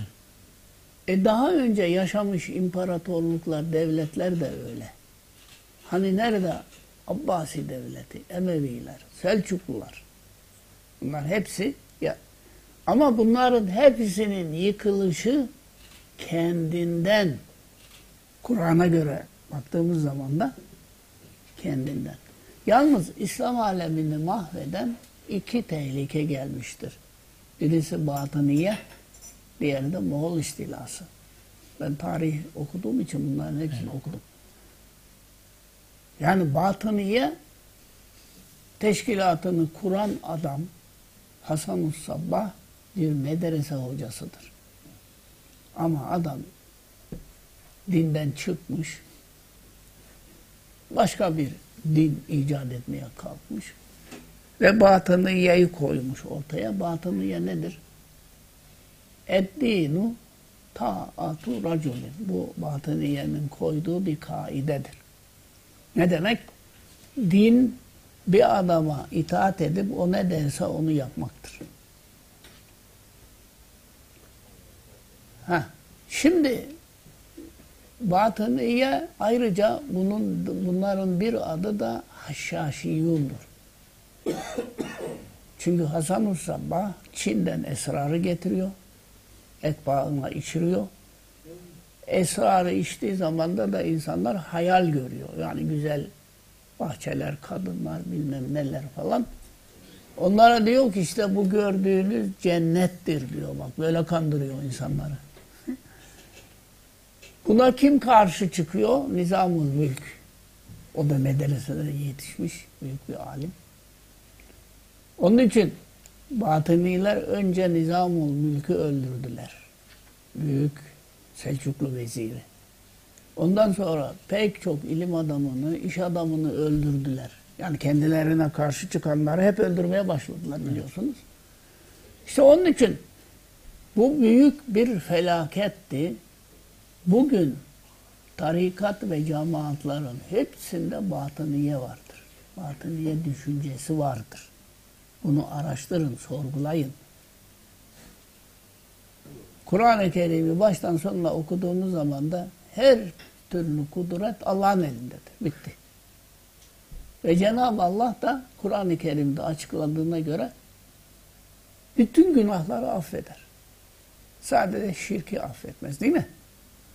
O zaman işte e, insanda, taşta, ağaçta, bir hayvanda güç vehmetmek şirktir. Bu insan da olsa eskiden totem devrinde putlar vardı, ağaçlar vardı, hayvanlara tapıyorlardı. Niye? Onda bir güç vehmediyor. Bunların hepsi İslam'a, İslam bunları yasakladı. Ha, insanda bir güç vehmedersen batiniye budur işte. Sen bir insanda bir güç vehmedeceksin. O şartı da o. Yani bu adam ermiştir. Keramet sahibidir, şudur budur gibi bir uydurmayla onu yücelteceksin. Onda bir güç olduğunu düşünerek inandın mı? Bugün bu memlekete en büyük felaketi getiren FETÖ kimdir? E bir batınıydır işte. Kendisine inandırıyor insanları. Bende bir güç var diyor. Buna da insanlar inanıyor. Hatta o derece ki onlar biliyorsunuz kendi aralarında haram helal yok onlarda. Değil mi? Ama şimdi ortaya çıkıyor bunlar. Daha önce insanlar bunları bilmiyordu. Onun için büyük e, devam eden bu düşünce Müslümanlara hala zarar vermektedir. İkincisi de gelmiş geçmiştir o. Moğol istilasıdır. Moğol istilası İslam ülkelerini mahvetmiştir. Ondan sonra yavaş yavaş Müslümanlar kendine gelinceye kadar zaten her şeylerini kaybetmişler. Evet. Çünkü Moğol istilasını okuyun. İbrahim Kafasoğlu'nun bir tarihi vardır. İbra- ya eskiden İstanbul Üniversitesi'nde hocaydı, tarih hocası. Ben Arapça kaynakları okudum da İbrahim Kafasoğlu'nda okudum. Moğollarla ilgili çok enteresan şeyler yazmıştır İbrahim Kafasoğlu. Okuyun onun tarih kitabını. Çünkü bak Moğollar öyle bir korkunç bir kavim ki bir beldeyi istila ettikleri zaman 15 ile 25 yaşın altını üstünü kesiyorlar. 15 ile 25 arasındaki kız ve erkekleri de hizmetçi olarak kullanıyorlar. Bu kadar korkunç bir şey. Mesela Moğollar Çin'de bir kaleyi muhasara ediyorlar da kitapların yazdığına göre tabii ne derece doğru bilmiyoruz. 60 bin bakire kız kala duvarlarından kendini atıp intihar ediyor. Niye? Moğolların eline geçmemek için. Yani ama bu insanların bir temeli olmadığı için sonra kaynayıp gidiyor. Yani nerede şimdi Moğollar? Bunlar Müslüman oldu. Bitti. Onun için tarihi iyi okumak lazımdır. Çünkü orada çok e, ibretler var. İbretler çok. Evet. Netekim Kur'an-ı Kerim'de de eski kavimlerle ilgili Cenab-ı Allah bize birçok ibretamiz e, hikayeler anlatıyor. Kıssalar. Dolayısıyla yani biz insanlar Allah'ın verdiği aklı sorgulama, araştırmayı, sorgulamayı eğer terk edersek işimiz bitmiştir. Niye? Çünkü Allah sana bu imkanı, bu gücü kendini bu dünyada yaşatmak için verdi. İnanıp inanmamak o da ayrı bir şey. Zaten Kur'an-ı Kerim'de Estağfirullah kullil hakku mir rabbikum. Femen şâ'e fel yu'min ve men şâ'e fel yekfur. Yani peygamberlerin görevi sadece doğruyu, eğriyi Tebliğ. bildirmektir. Evet. Tebliğdir. İster inanır, ister inanmaz. Çünkü yarın Cenab-ı Allah cenneti de cehennemi de dolduracak. Evet. Baskı yok. Ama görev doğru, doğru. Sen kendin doğru olacaksın. Doğruyu da herkese söyleyeceksin. Korkmayacaksın ya. Şimdi bizim birçok hoca arkadaşlar var. Ben böyle konuştuğum zaman da ya biraz ağır ol falan diyor. Niye? Ya işte e, Zülfikar'a dokunursun diyor. Ya ben yanlış bir şey söylemiyorum. Yani peygamberler ne dediyse biz de onu diyoruz. Hatta hocam hatıratınızda bu söylediğinizi teyit edecek. Ben e, karşı taraftan deliller söyleyeyim, hatırlatayım Hı. size. Zahid Efendi ile görüşmeniz var sizin. Mehmet Hı. Zahid Efendi ile. İsterseniz ondan da biraz anlatın. Hiç e, bu söylediğiniz meselelerin olmadığını kitabınızda bahsediyorsunuz biraz. Evet. Ben Zahid Efendi benim Mısır'da Kotku, evet. Ya şey ha Zahid Kotku. Ha. Evet.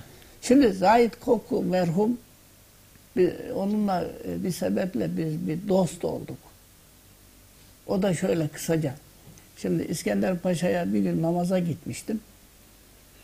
Namazdan sonra bir Arap gelmişti oraya. Hocayla görüşmek istedi. Biz ona tercümanlık yaptık. Hı hı. Bir müddet sonra bir Pakistanlı geldi. E Pakistanlı da İngilizce biliyor. ben ona da tercümanlık yaptım. Az da olsa biraz İngilizcemiz var tabii. Ee, Zahid e, Kotku Hoca bana dedi ki ya dedim ben sana hayranım dedi. Bak dedi şu anda hem İngilizce hem Arapça tercümanlık yaptım falan dedi. Ondan sonra birçok toplantılarına beni davet ediyordu. Zikirlerine falan da katıldım tabii. Ve zaman zaman da müritlerden bana şikayet ediyordu. Bunlara söz geçiremiyorum diye. O şer'i usullere uyan bir şeyhti. Çünkü şeyhlerin bir şer'i usullere uyanı var, Eyvallah. uymayanı var. E tabi biz tarikatlar hakkında konuşurken istisnalar kaideyi bozmaz. Eğer şey kendinde bir güç vehmetmiyorsa ve bunu da müritlerine söylüyorsa ona diyeceğimiz bir şey yok. Çünkü bizim üzerinde durduğumuz Kur'an'a aykırı olmasın. Şirke bulaşmasın. Eyvallah. Mesele bu.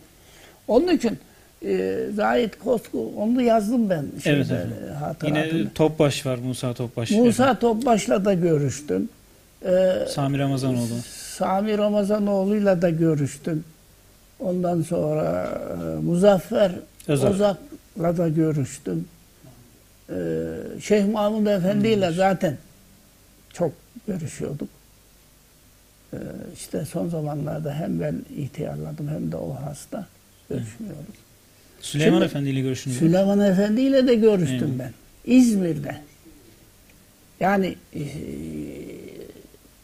bu İmam Hatip okulları açıldıktan sonra şimdi Süleyman Efendi işte Kur'an kurslarıyla ilgileniyordu. Onların merkezi İzmir'di eskiden. Hı hı hı. Süleymancıların. Onun için mesela bu İzmir, Aydın, Muğla, ha? İzmir'de ne varmış böyle diyor. Ha. Oralarda Halk Partisi'nin kazanma sebebi de bu Süleymancılardır. Öyle mi? Tabii. Halk Partisi'nin Yani kazanmasının İzmir, sebebi. Aydın, Muğla, Antalya. Evet. Bu bölgede Süleymancılık çok yaygındır. Ve bunlar da yani Allahu alem e, Halk Partisi'ne daha çok oy veriyorlar. Dolayısıyla geçenlerde İlahiyat Fakültesi Dekanı Ali Köse ile görüştüm de Evet. O mu- Antalyalıdır o. Hı hı. Antalya'da Buraya 100 bin Süleymancı var dedi. Ali Bey burada kendisi hocam. Yüz bin Süleymancı oyu var. Oyu. Ha Ali Bey burada mısın ya? Orada hocam. Aa ya sen buradasın da niye bana görünmüyorsun ya? Aslında sizin gelmenize gerek yoktu. Ben anlatabilirdim sizin. Evet.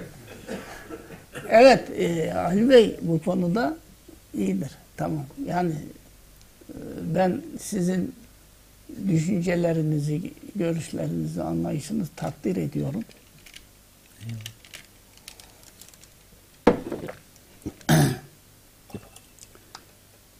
Şimdi biz bu konuşmaları sadece ve sadece insanların düşünmeleri, araştırmaları, sorgulamaları için ben yapıyorum. Çünkü doğruyu, eğriyi herkes kendisi bulacak. Biz ona nasıl düşüneceğini, araştıracağını, sorgulayacağını öğrettiğimiz zaman o kendisi bulacak. Ha herkesin doğruyu bulması takdir ilahidir. Zaten Kur'an-ı Kerim'de hidayet de, dalalet de Allah'tandır diye yüzlerce ayet var mı? Var. Ha bizim görevimiz aklını kullanmayı, aklı selimini kullanmayı öğretmek, bir de sorgulamayı öğretmek. Bunu yaparsa zaten kendi neticeye varacak. Her aklını kullanan da illa da doğruyu bulacak diye de bir şey yok. Çünkü insanoğlunda nefis var, şeytan var. O iva ile insanları Zorluyor. e, kandırıyor. Evet. Bitti mi? Şey zaman. Sorulara geçebiliriz hocam Tamam. yavaş yavaş. Ee, sorusu olan varsa Ali hocam katkınız sorunuz. Buyurun İsmail Bey. İsmail Bey. Marmara Üniversitesi'nin kuruluş çalışmalarıyla e, o zamanki dönem e, CHP, Milli Eğitim Bakanı'ydaki hikayeyi anlatırsan çok iyi. Marmara Üniversitesi'nin kuruluş aşamasında o zamanki CHP ile. Enstitüsü'nde, İslam Enstitüsü. İlk İstanbul. Tamam şimdi e, Şevket Raşit Hatipoğlu'ndan bahsediyorsun değil mi? Ya işte biz insan olarak bazen iyi tarafımız olduğu gibi bazen nankör tarafımız da oluyor. İnsanız çünkü. Şimdi bu Şevket Raşit Hatipoğlu İnönü Başbakan biliyorsunuz e, 27 Mayıs'tan sonra İnönü Başbakan oldu. Şevket Raşit Hatipoğlu da Milli Eğitim Bakanı. Sene 1961 62 63 o seneler. Şimdi biz bizim diplomayı kabul etmedikleri için ben devleti mahkemeye verdim. Ali Himmet Berki de benim avukatımdı. Onun ismini duymuşsunuzdur. Ali Himmet Berki. O eskiden yaşlı bir adam. Çok iyi bir hukukçuydu kendisi. Ve Danıştay'daki birçok kimselerin de hocasıydı. Şimdi birisi unuttum şeyi bana tavsiye etti. Ee, Şevket Raşit Hatipoğlu'na git dedi. E nasıl gidecek? Ankara'da bir avcılar kulu, kulübü diye bir müessese varmış o zaman. Bu Şevket Hatipoğlu da o kulüpte üyeymiş. Onun başkanını tanıyormuş o adam. Ona bir mektup yazdı, beni Ankara'ya gönderdi. Ben de gittim, o zatı buldum. Şu anda aklıma gelmedi ismi. O da beni aldı, Şevket Raşit Hatipoğlu'na götürdü ki o kadar samimi ahbabı ki e, randevu bile almadı. Neyse Şevket Raşit Hatipoğlu'yla beni tanıştırdı. Anlattık durumu. Şevket Raşit Hatipoğlu bana dedi ki Talim Terbiye Kurulu'na bir müracaat et, o bir cevap versin bize. Ona göre biz bir şey yapalım dedi. Ben de dedim ki daha önce müracaat yaptık. Red cevabı aldık. Yok dedi bir daha yap dedi. Yaptık gene ya red cevabı aldım götürdüm Şevket Raşit Hatipoğlu'na. İşte Şevket Raşit Hatipoğlu ondan sonra eee, bana dedi ki ben dedi yetkimi kullanarak seni İstanbul Yüksek İslam Enstitüsü'ne Arapça hocası tayin edeceğim dedi. Bu işi de e, mahkemeyi de devam ettir falan dedi. Ali Himmet Berki'yi de tanıyor tabii. Ve beni İstanbul Yüksek İslam Enstitüsü'ne bakan olarak yetkisini kullanarak Arapça hocası tayin etti Şevket Raşit Hatipoğlu. Bu vesileyle de o sırada ben Ankara'ya gidip geliyorum. Her gittiğim zaman da ziyaret ediyorum kendisini. Bize de yakınlık gösteriyor. Bir gün Şevket Raşit Hatimoğlu'nun makamında Şevket Raşit Hatimoğlu bir şeye kızmış. Ben dedi bu beşinci koldur bunlar. Bunlara gerekeni e, dersi vereceğim falan böyle konuşuyor. Meğerse Erzurum İmam Hatip Okulu'nda bir olay olmuş. Orada bir solcu müdür varmış. O sebeple bu da müdürü görevden almış. Cumhuriyet, Milliyet ve diğer e, o e, tarz gazeteler ver yansın ediyor Şevket Rasitoğlu'nun aleyhinde. Onlara da beşinci kol dedi benim yanımda. Bu gazeteler beşinci koldur dedi. Neyse böyle gitti. Fakat şimdi bende hatıra çok. 27 Mayıs ihtilali sırasında ben İstanbul İmam Hatip Okulu'nda hocayım. 27 Mayıs'tan sonra Hasan Ali Yücel iki arkadaşıyla oraya geldi. 15 gün orada araştırma yaptı ve bir rapor hazırladı. İmam Hatip okullarının kapatılması için. İşte o rapora dayanarak İnönü'de Şevket Raşit Hatipoğlu'na bu okulların kapatılmasını emrediyor. Şevket Raşit Hatipoğlu da diyor ki İnönü'ye ben diyor bu okulları kapatmam yenisini açarım. Niye kapatayım diyor. Araları açılıyor. O sırada Şevket Raşit Hatipoğlu 500 bin Türk lirası bir çekle bir adamını gönderdi İstanbul'a. Arada ben varım. Hemen Yüksek İslam Enstitüsü'nde o zaman bir ilkokulun çatı katında. Fındıklı'da, Fındıklı. Fındıklı.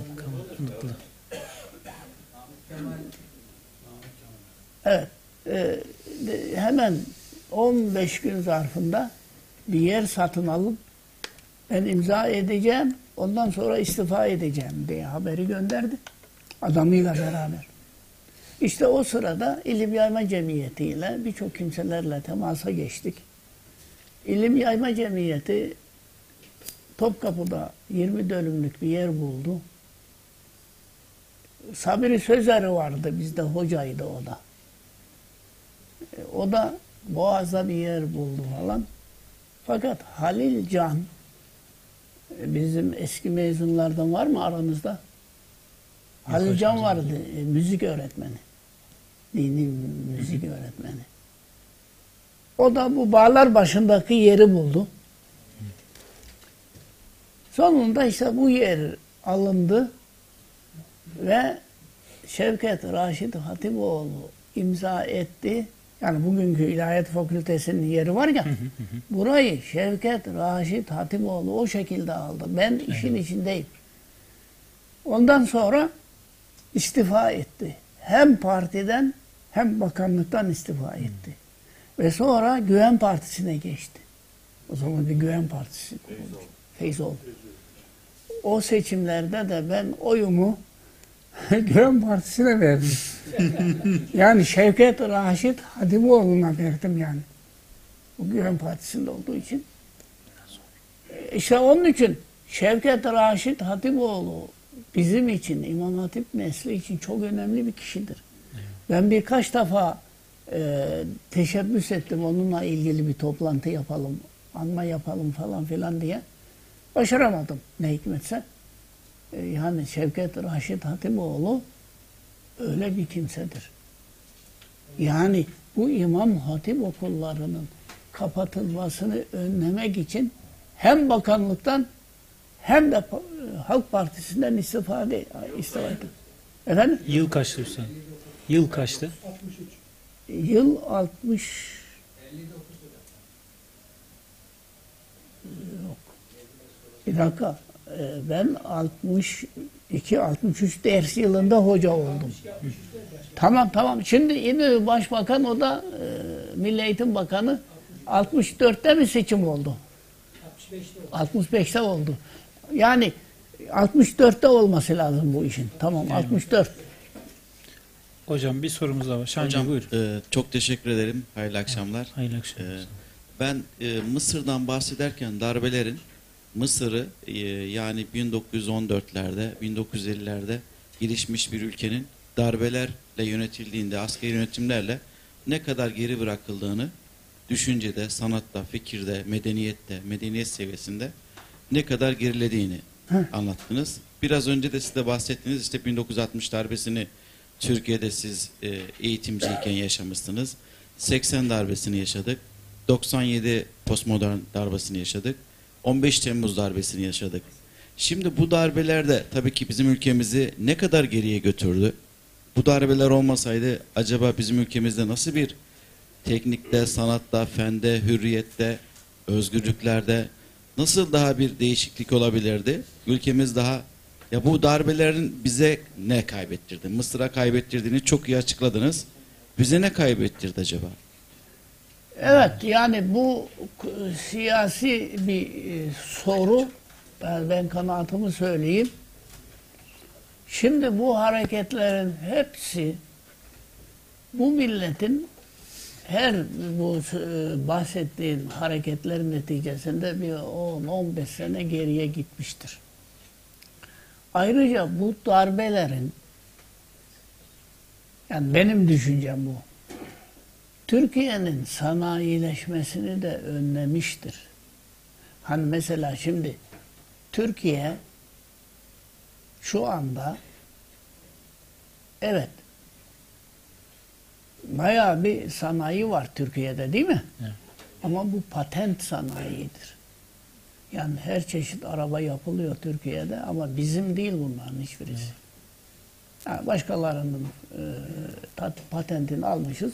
O bizden parasını alıyor. Yani Türkiye bu patentlerin hepsine para ödüyor.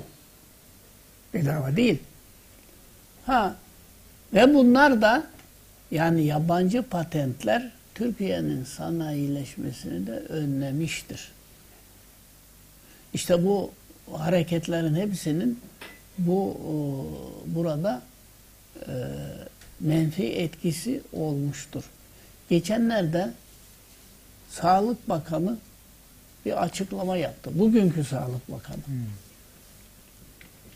Dedi Türkiye yüzde 85 ilaçta hastane ekipmanlarında dışa bağlıdır dedi.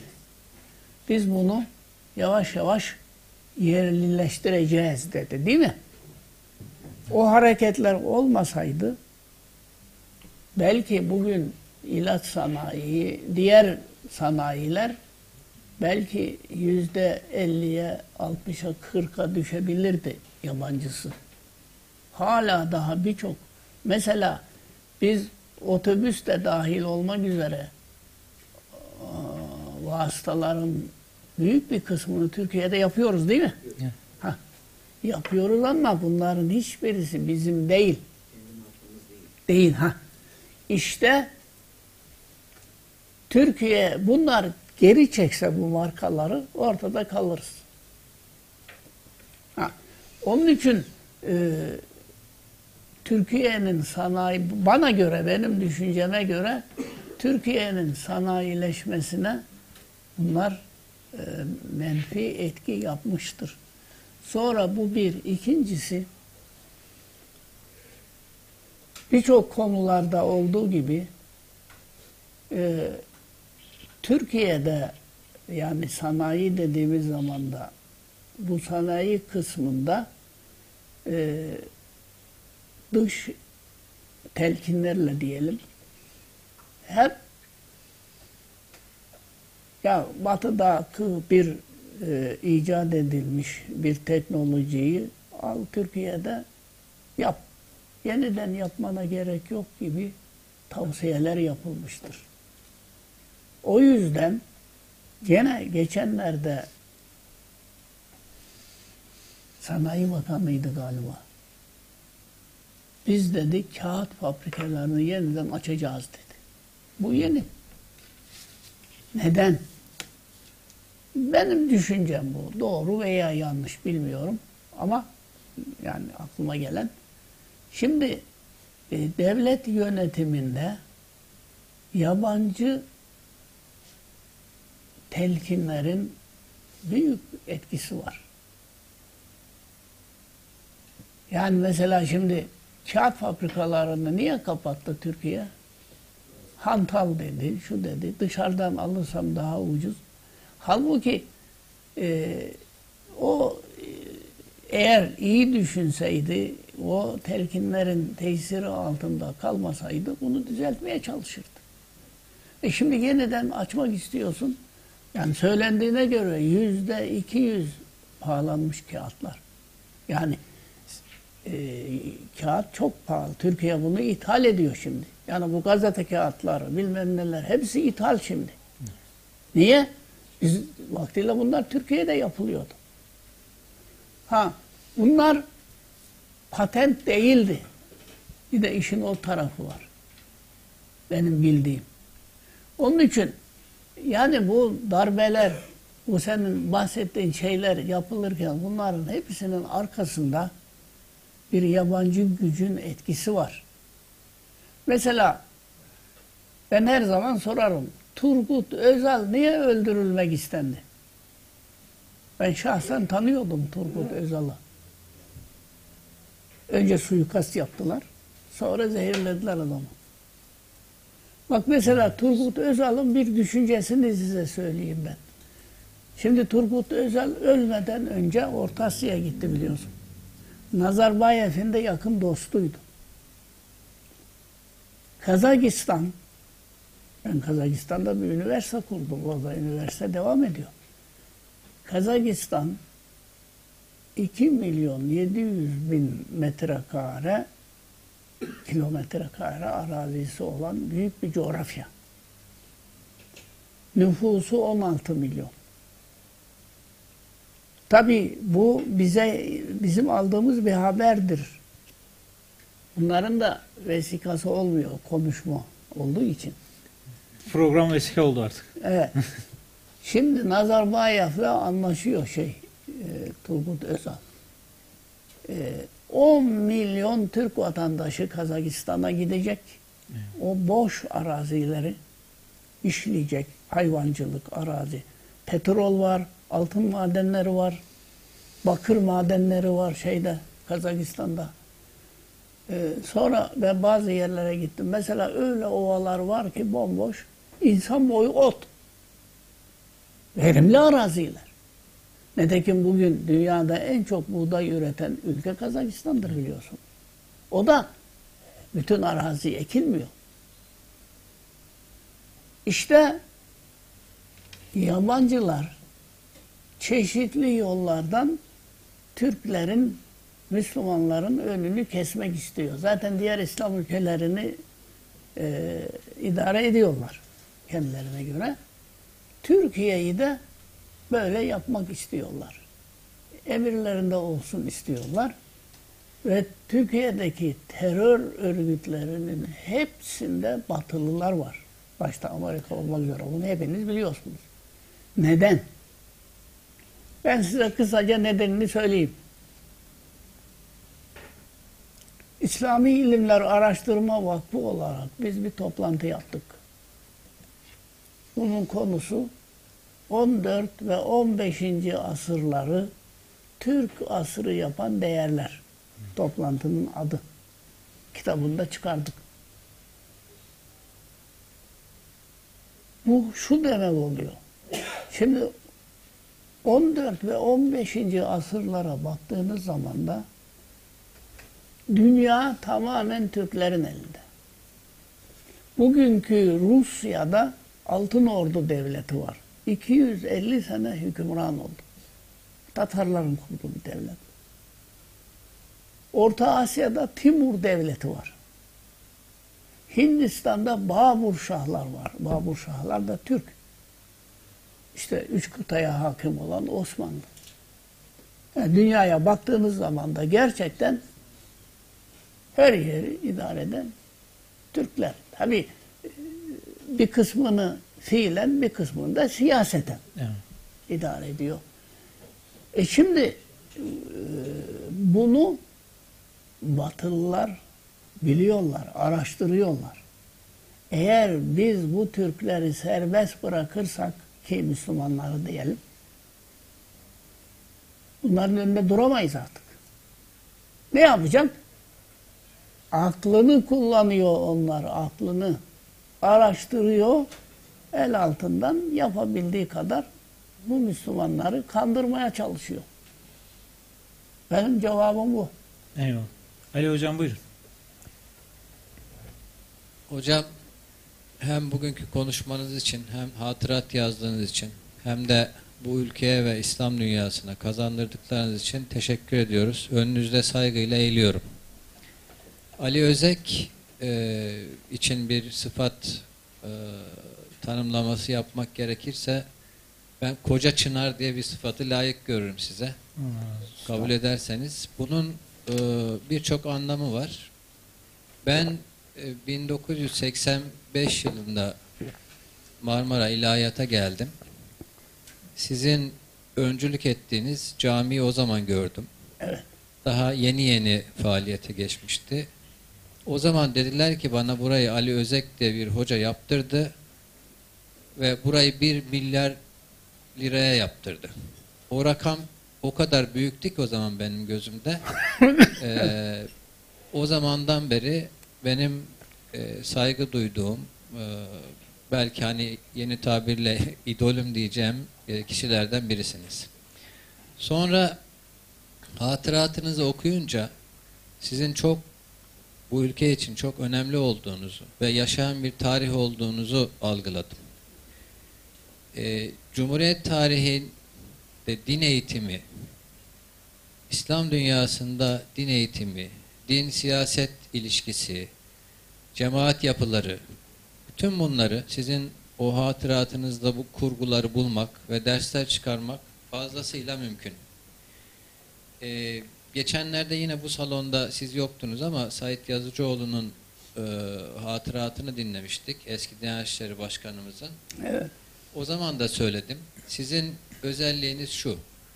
İslam dünyasının örgün ya da örgün olmayan tüm eğitim kurumlarında gerek Türkiye'de gerekse başka Müslüman ülkelerde hem talebelik hem hocalık düzeyinde bulunmuş, bu tecrübeyi yaşamış ender kişilerden birisiniz. Ee, Mısır tecrübeniz var, daha sonra e, Kazakistan e, tecrübeniz var.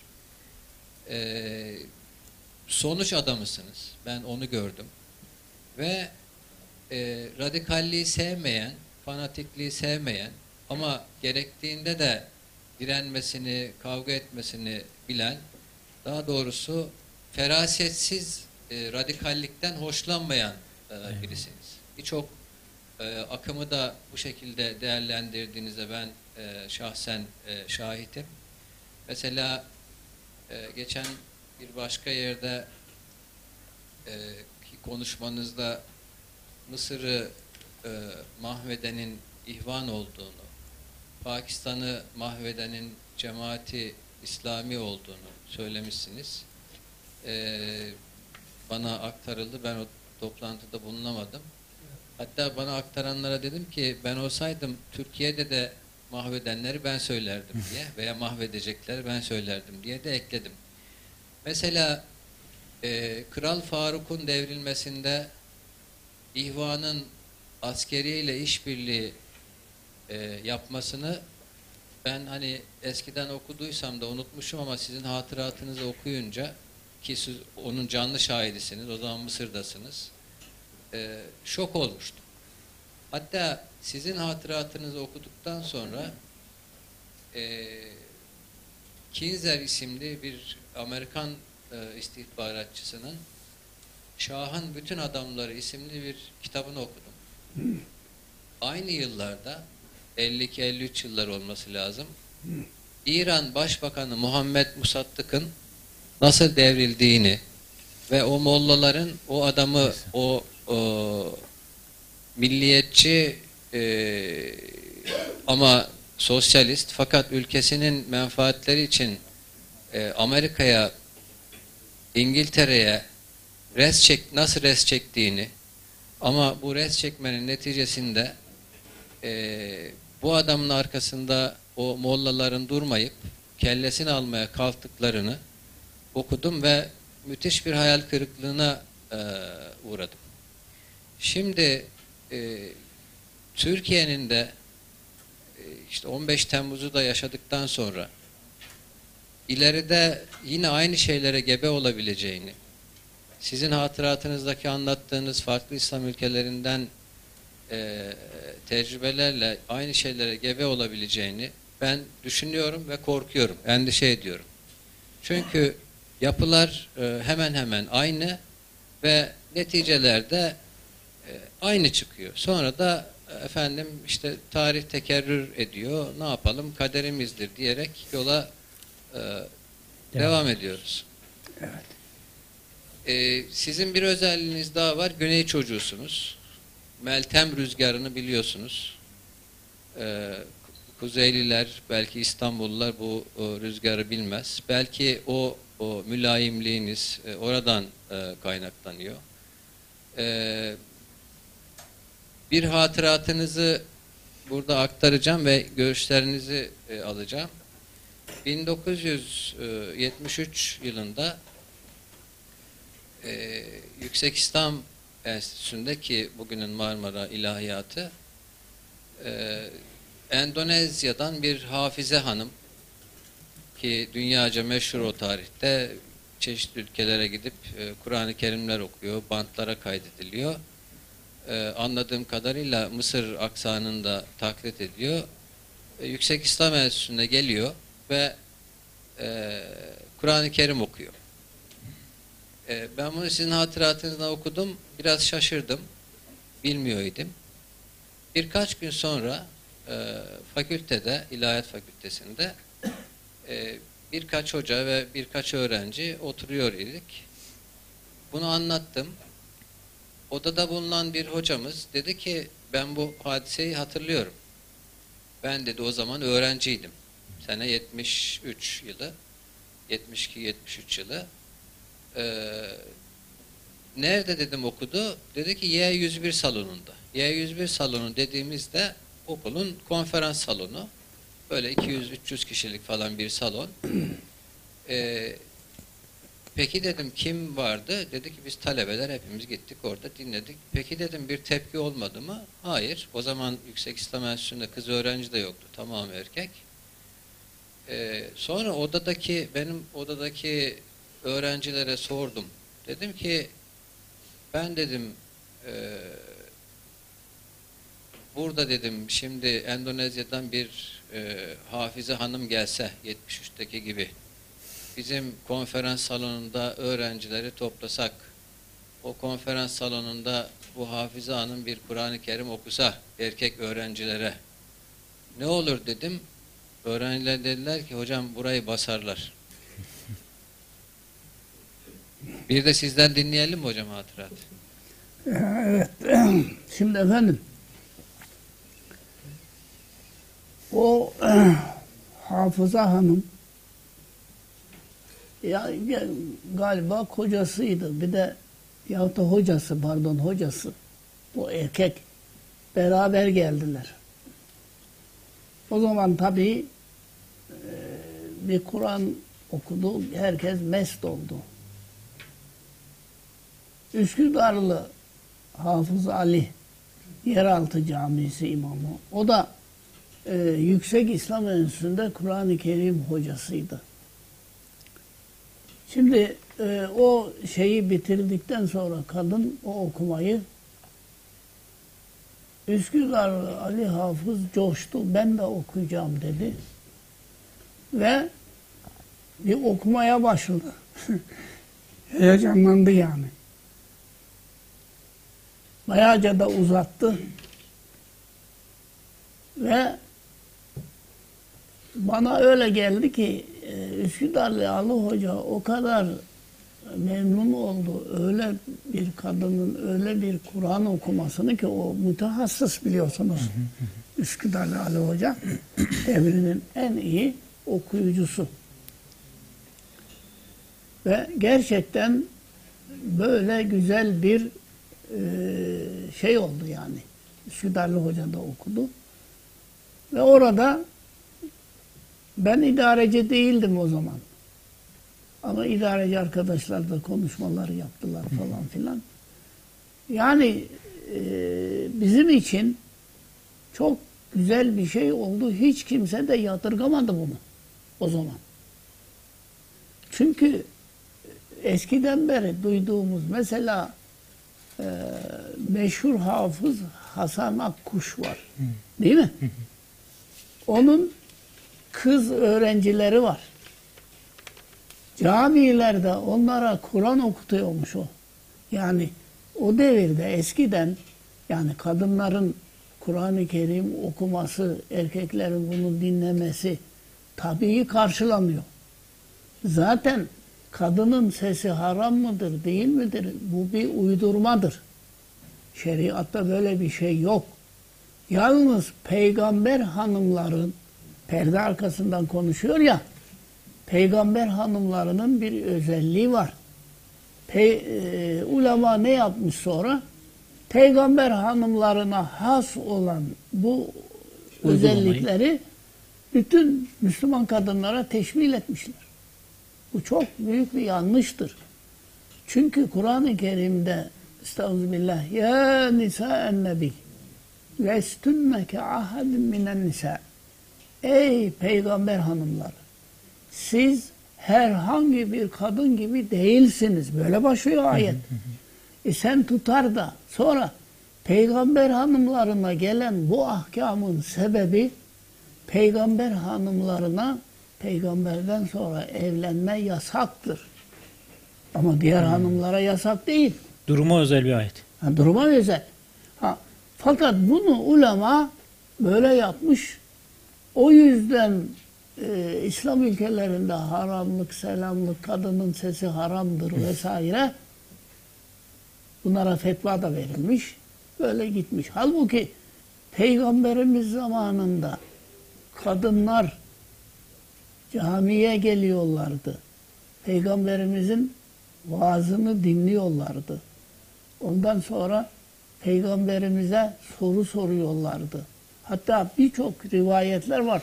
Peygamberimiz ashabıyla toplantı halinde konuşurken gelip peygamberden bir şey soran, bir şey isteyen kadınlar var.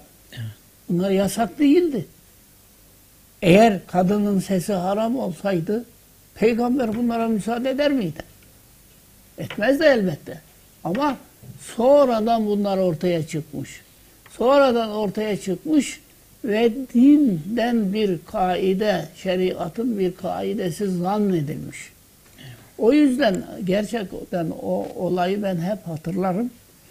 Ee, sonra Üsküdar'la Ali Hoca da çok takdir etti. Bak dedi ki bak tabii o e, Hasan Akkuş Hoca'nın arkasında bir defa namaz kıldım ben o zaman.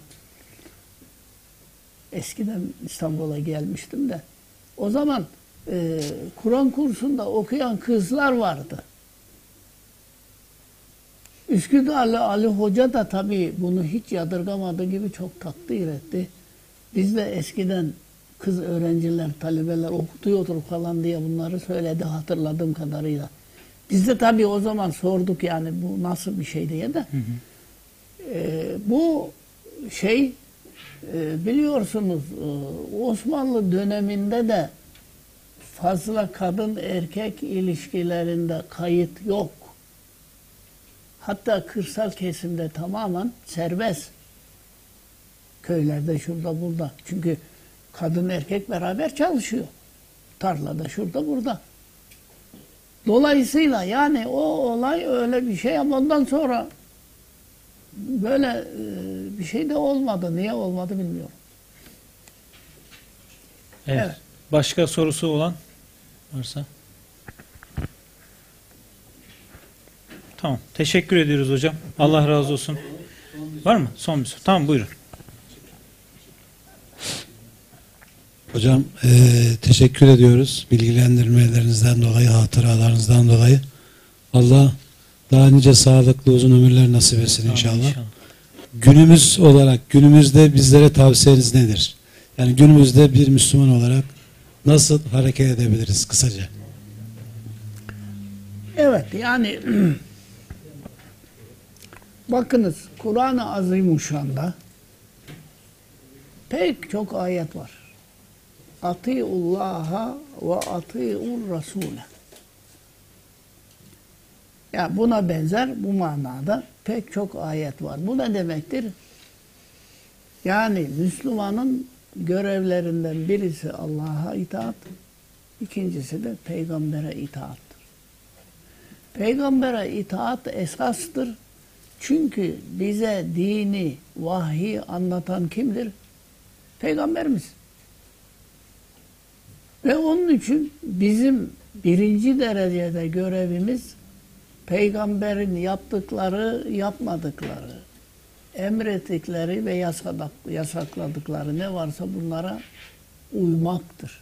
Elimizden geldiği kadar. İşte din budur. Yani peygambere uymak, o onun sünnetine tabi olmaktır. Ama zaman içerisinde bu anlayış değişmiş. Değişince tabii ortaya başka şeyler çıkmış. Ha, şimdi e, bunun da inceliği şu. Müslümanlık birinci, ikinci ve üçüncü asırda yaşayan insanların Müslümanlığıdır. Yani o zaman mezhepler yok. Tarikatlar zaten 5. asırdan sonra başlıyor. Hicri 5. asırdan sonra. Ee, itikadi mezhepler var. İşte mutezile ortaya çıkmış. Ondan sonra ehl sünnete dönüşmüş. Derken yani bugün bizim için benim araştırmama göre en sağlam Müslümanlık ehl sünnet Müslümanlığıdır. Bunun da özelliği şudur. Yani mutezile ile Mutedil olmaktır aslında. Ha, mute, ha. hayır mutezilede Evet. Yani bugün de problemler var İslam aleminde. Şimdi mutezile ne dedi? Amel imandan cüzdür dedi. Bak buna dikkat edin. Ehli sünnete göre amel imandan cüz değildir. Onun için mesela ulema eskiden tartılmış birçok mezheplerde namaz kılmayan öldürülür demişler. Gerçi uygulama pek yok ama çünkü mutezile görüşü kul fiilinin halikıdır. Ehli sünnete göre kasibidir. Halikı değildir. Halik Allah. E amel imandan cüz değildir ehli sünnete göre. Onun için şimdi mesela bu DAEŞ gibi ve zaman zaman ortaya çıkan işte e, şey e, Radikal kesimler. e, Ne? hayır hayır şu, Selefi akımlar. Selefi akımlar Eyvallah. bir de e, Suudluların mezhebi Vahabi, ya, Vahabi. Vahabilik. Şimdi ben size kısa bir hatıramı anlatayım. Bunu ben hatıratta yazdım mı yazmadım mı bilmiyorum. Evet. Şimdi biz Mısır'da talebeyken Türkistanlı züccaciye dükkanı işleten bir kişi vardı. Ya bize de çok değer verdiği için biz de hep ona gidiyorduk. Ama bu adam namaz kılmıyordu. Cuma'ya bile gitmiyor. Biz de ısrarla onu Cuma'ya götürmek istiyoruz falan. Bir gün dedi ki yahu dedi ben dedi Cuma'ya gitmemeye, namaz kılmamaya yemin ettim dedi. Ya olur mu böyle bir şey? Oldu dedi. E nasıl oldu? Benim dedi Mekke'de dükkanım vardı dedi. İki defa dayak yedim. Birisinde neredeyse öldüreceklerdi. Hani ezan okunduğu zaman da e, münadiler vardır, takip Evet. ediyorlar. Eskiden şimdi kaldırdılar onu Mekke'den, Medine'den. Efendim, e, namaza gitmeyen yakalayıp ver yansın ediyorlar. Böyle dövüyorlarmış böyle. İki defa bu dayağı yedikten sonra dedi oradaki dükkanımı sattım Mısır'a geldim. Anladım. Bundan sonra dedi böyle. Ben dedi Müslümanlığı seviyorum. Müslümanları da seviyorum ama içimde böyle bir nefret var. Eyvallah. Şimdi yani şimdi bu nereden geliyor bu? Yahu ama peygamberimiz namaz kılmayan bir kimseye ceza vermedi ki. Münafıklar var mesela. E sen nasıl ceza verirsin? Ama bunlar hep tartışılmış. Meze, yani mutezili görüşünden geliyor bu zaten. Dolayısıyla ehli sünnetin özelliği bir insan Müslümansa, müminse o ne kadar günahkar olursa olsun o bizim kardeşimizdir. Mümindir çünkü. Ben Müslümanım diyor adam değil mi? Evet. Ha, biz onu dışlayamayız. Ama bugün Müslümanların çoğu bilmediği için bunları dışlıyor. Yani namaz kılmayanın yemeği yenmez diyor adam. Falan filan yani böyle buna benzer şeyler. Onun için e, doğru Müslümanlık ehli sünnet Müslümanlığıdır. İşte Şia'da da putperestlik vardır. Tarikatların çoğunda da vardır. Efendime söyleyeyim. Ve e, Ali Kösebey'in dediği gibi mesela Pakistan'ı mahveden cemaati İslamiyedir doğru. Ondan sonra Afganistan'ı mahveden Taliban'dır. Amerika'nın desteğiyle orada ikrar e, e, şey oldu, iktidar oldu. Sonra Amerika onların vasıtasıyla Pakistan, e, Afganistan'ı işgal etti. Irak'ın işgaline sebep Kehsenezani tarikatıdır. Kadirilerden bir kol. Bu da Amerikalılarla işbirliği yaptı. Amerika'nın Irak'ı işgaline sebep oldu bunlar. Daha böyle neler var neler. İşte e, o hocalar Abdülhamid'i azletti. Osmanlı Devleti bitti. Onun için e, hocalar din bakımından önemlidir ama önemli olduğu kadar da tehlikelidir. Sizin teziniz var hocam. Dinleri din adamları bozmuştur diyorsunuz. Evet. Yani Kur'an-ı Kerim'de Cenab-ı Allah Hristi, Yahudiliği hahamlar, Hristiyanlığı papazlar bozsun diye ayet var. Şimdi ben buradan şunu çıkarıyorum. Matematikte bir kaide vardır. İki malum ile bir meçhul çözülür. İşte peki İslam'ı kim bozacak? Hocam. Adamlar. Ve de öyle olmuştur. Bugün mesela Gadiyanileri düşün, Bahaileri düşün, İsmailileri düşün. Bunlar Müslümanız diyorlar. Ama Müslümanlıkla alakaları yok bunların. Yani e, kendilerine göre bir Müslümanlık icat etmişler. Bunu ye- yeni çıkmış sapık mezhepler de bunlar. Daha önce işte e, Şia çıktı, Batıniye çıktı. Ondan sonra Gadiyaniler, Bahailer, işte İsmaililer. İsmaililer kimdir? Bu Ahan diye bilinen. Şimdi Kerim Han onun torunu. Onlara sorduğun zaman Müslümanız biz diyorlar. Ama Müslümanlıkla bir alakaları yok. Dolayısıyla işte e, biz ehli sünnet olarak bir insanın günahkar günahkarlığına bakmayacağız. Bu adam imanı varsa tamam Müslümandır, mümindir ve Müslümanlar da kardeştir. İnnemel müminune ihva. Bu Kur'an'da ayet. Ha, ama bir diğer mesele de yani bizim bir görevimiz de tebliğdir. Yani bir kötü insan kötülük yaptığı zaman da senin ona bir tebliğ yapma görevin var. Ama bunu yaparken de onu küçümsemeyeceksin. İyi, hoş davranarak onu anlatmaya çalışacaksın. Anlamazsa da kızmayacaksın. İşte Müslümanlık bu. Ya ben size şunu söyleyeyim bak. Müslümanlık bir asırda dünyaya hakim oldu ya. Hazreti Osman zamanında Müslümanlar Çinlilerle savaştılar. Hazreti Osman yani bugünkü Afganistan efendime söyleyeyim e, Kafkasya vesaire Hazreti Ömer zamanında fethedildi. Hazreti Osman zamanında Çinlilerle savaştı Müslümanlar. Esir aldılar Çinlileri. Bu esirler içerisinde kağıt yapmayı bilen ustalar vardı. İlk defa kağıdı Müslümanlar yaptı. Sonra Avrupa'ya gitti kağıt.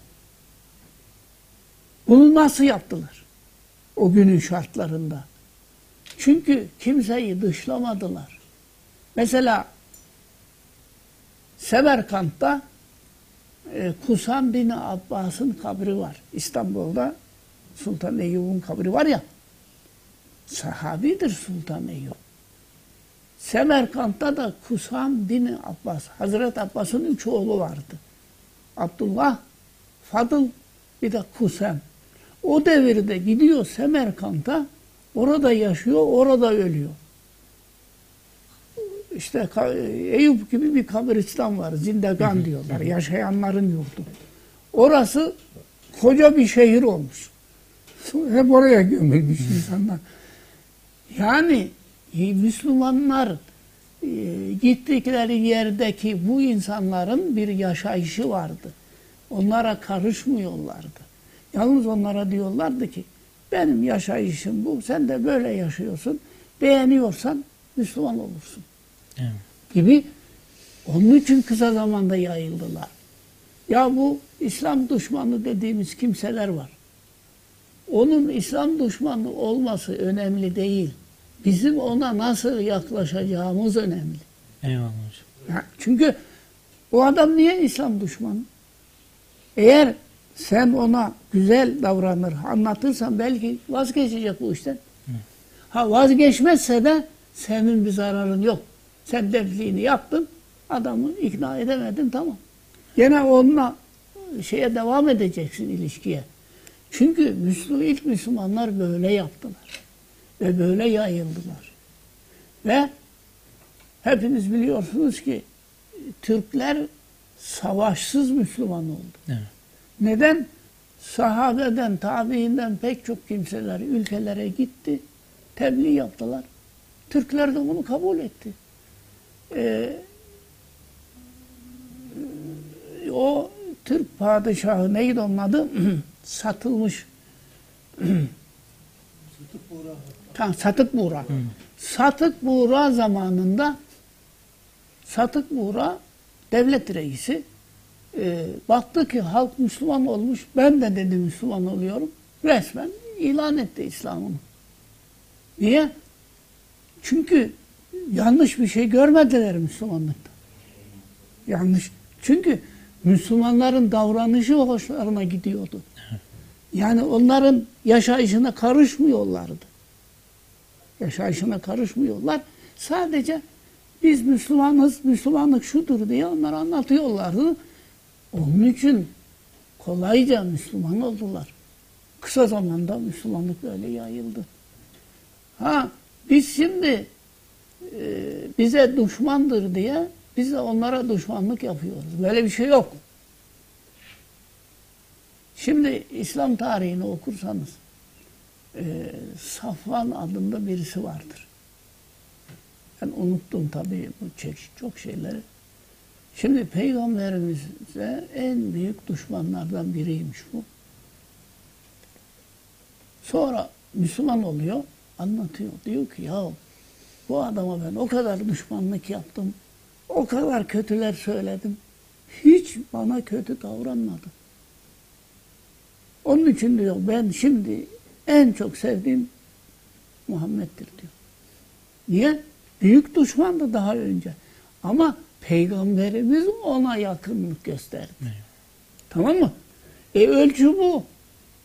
Biz de böyle yapacağız. Şimdi vaktiyle İstanbul Üniversitesi'nde bir arkadaş vardı. Hoca. Bana dedi ki bu bir gün yahu dedi. Ben dedi namaz kılmak istiyorum ama utanıyorum camiye gitmeye dedi. Niye dedi, hiç dedi hayatım ama dedi bir gönlümden de geçiyor. tamam dedim ben seni götürürüm dedim. Yani bu insanlar böyle bir şey. E, Bazı inatlar olacak tabii. İnat edeceksen ne dersen de anlamayacak. Ama Bazı da kıvılcım bekliyor. Evet. Anlayan da çıkacak.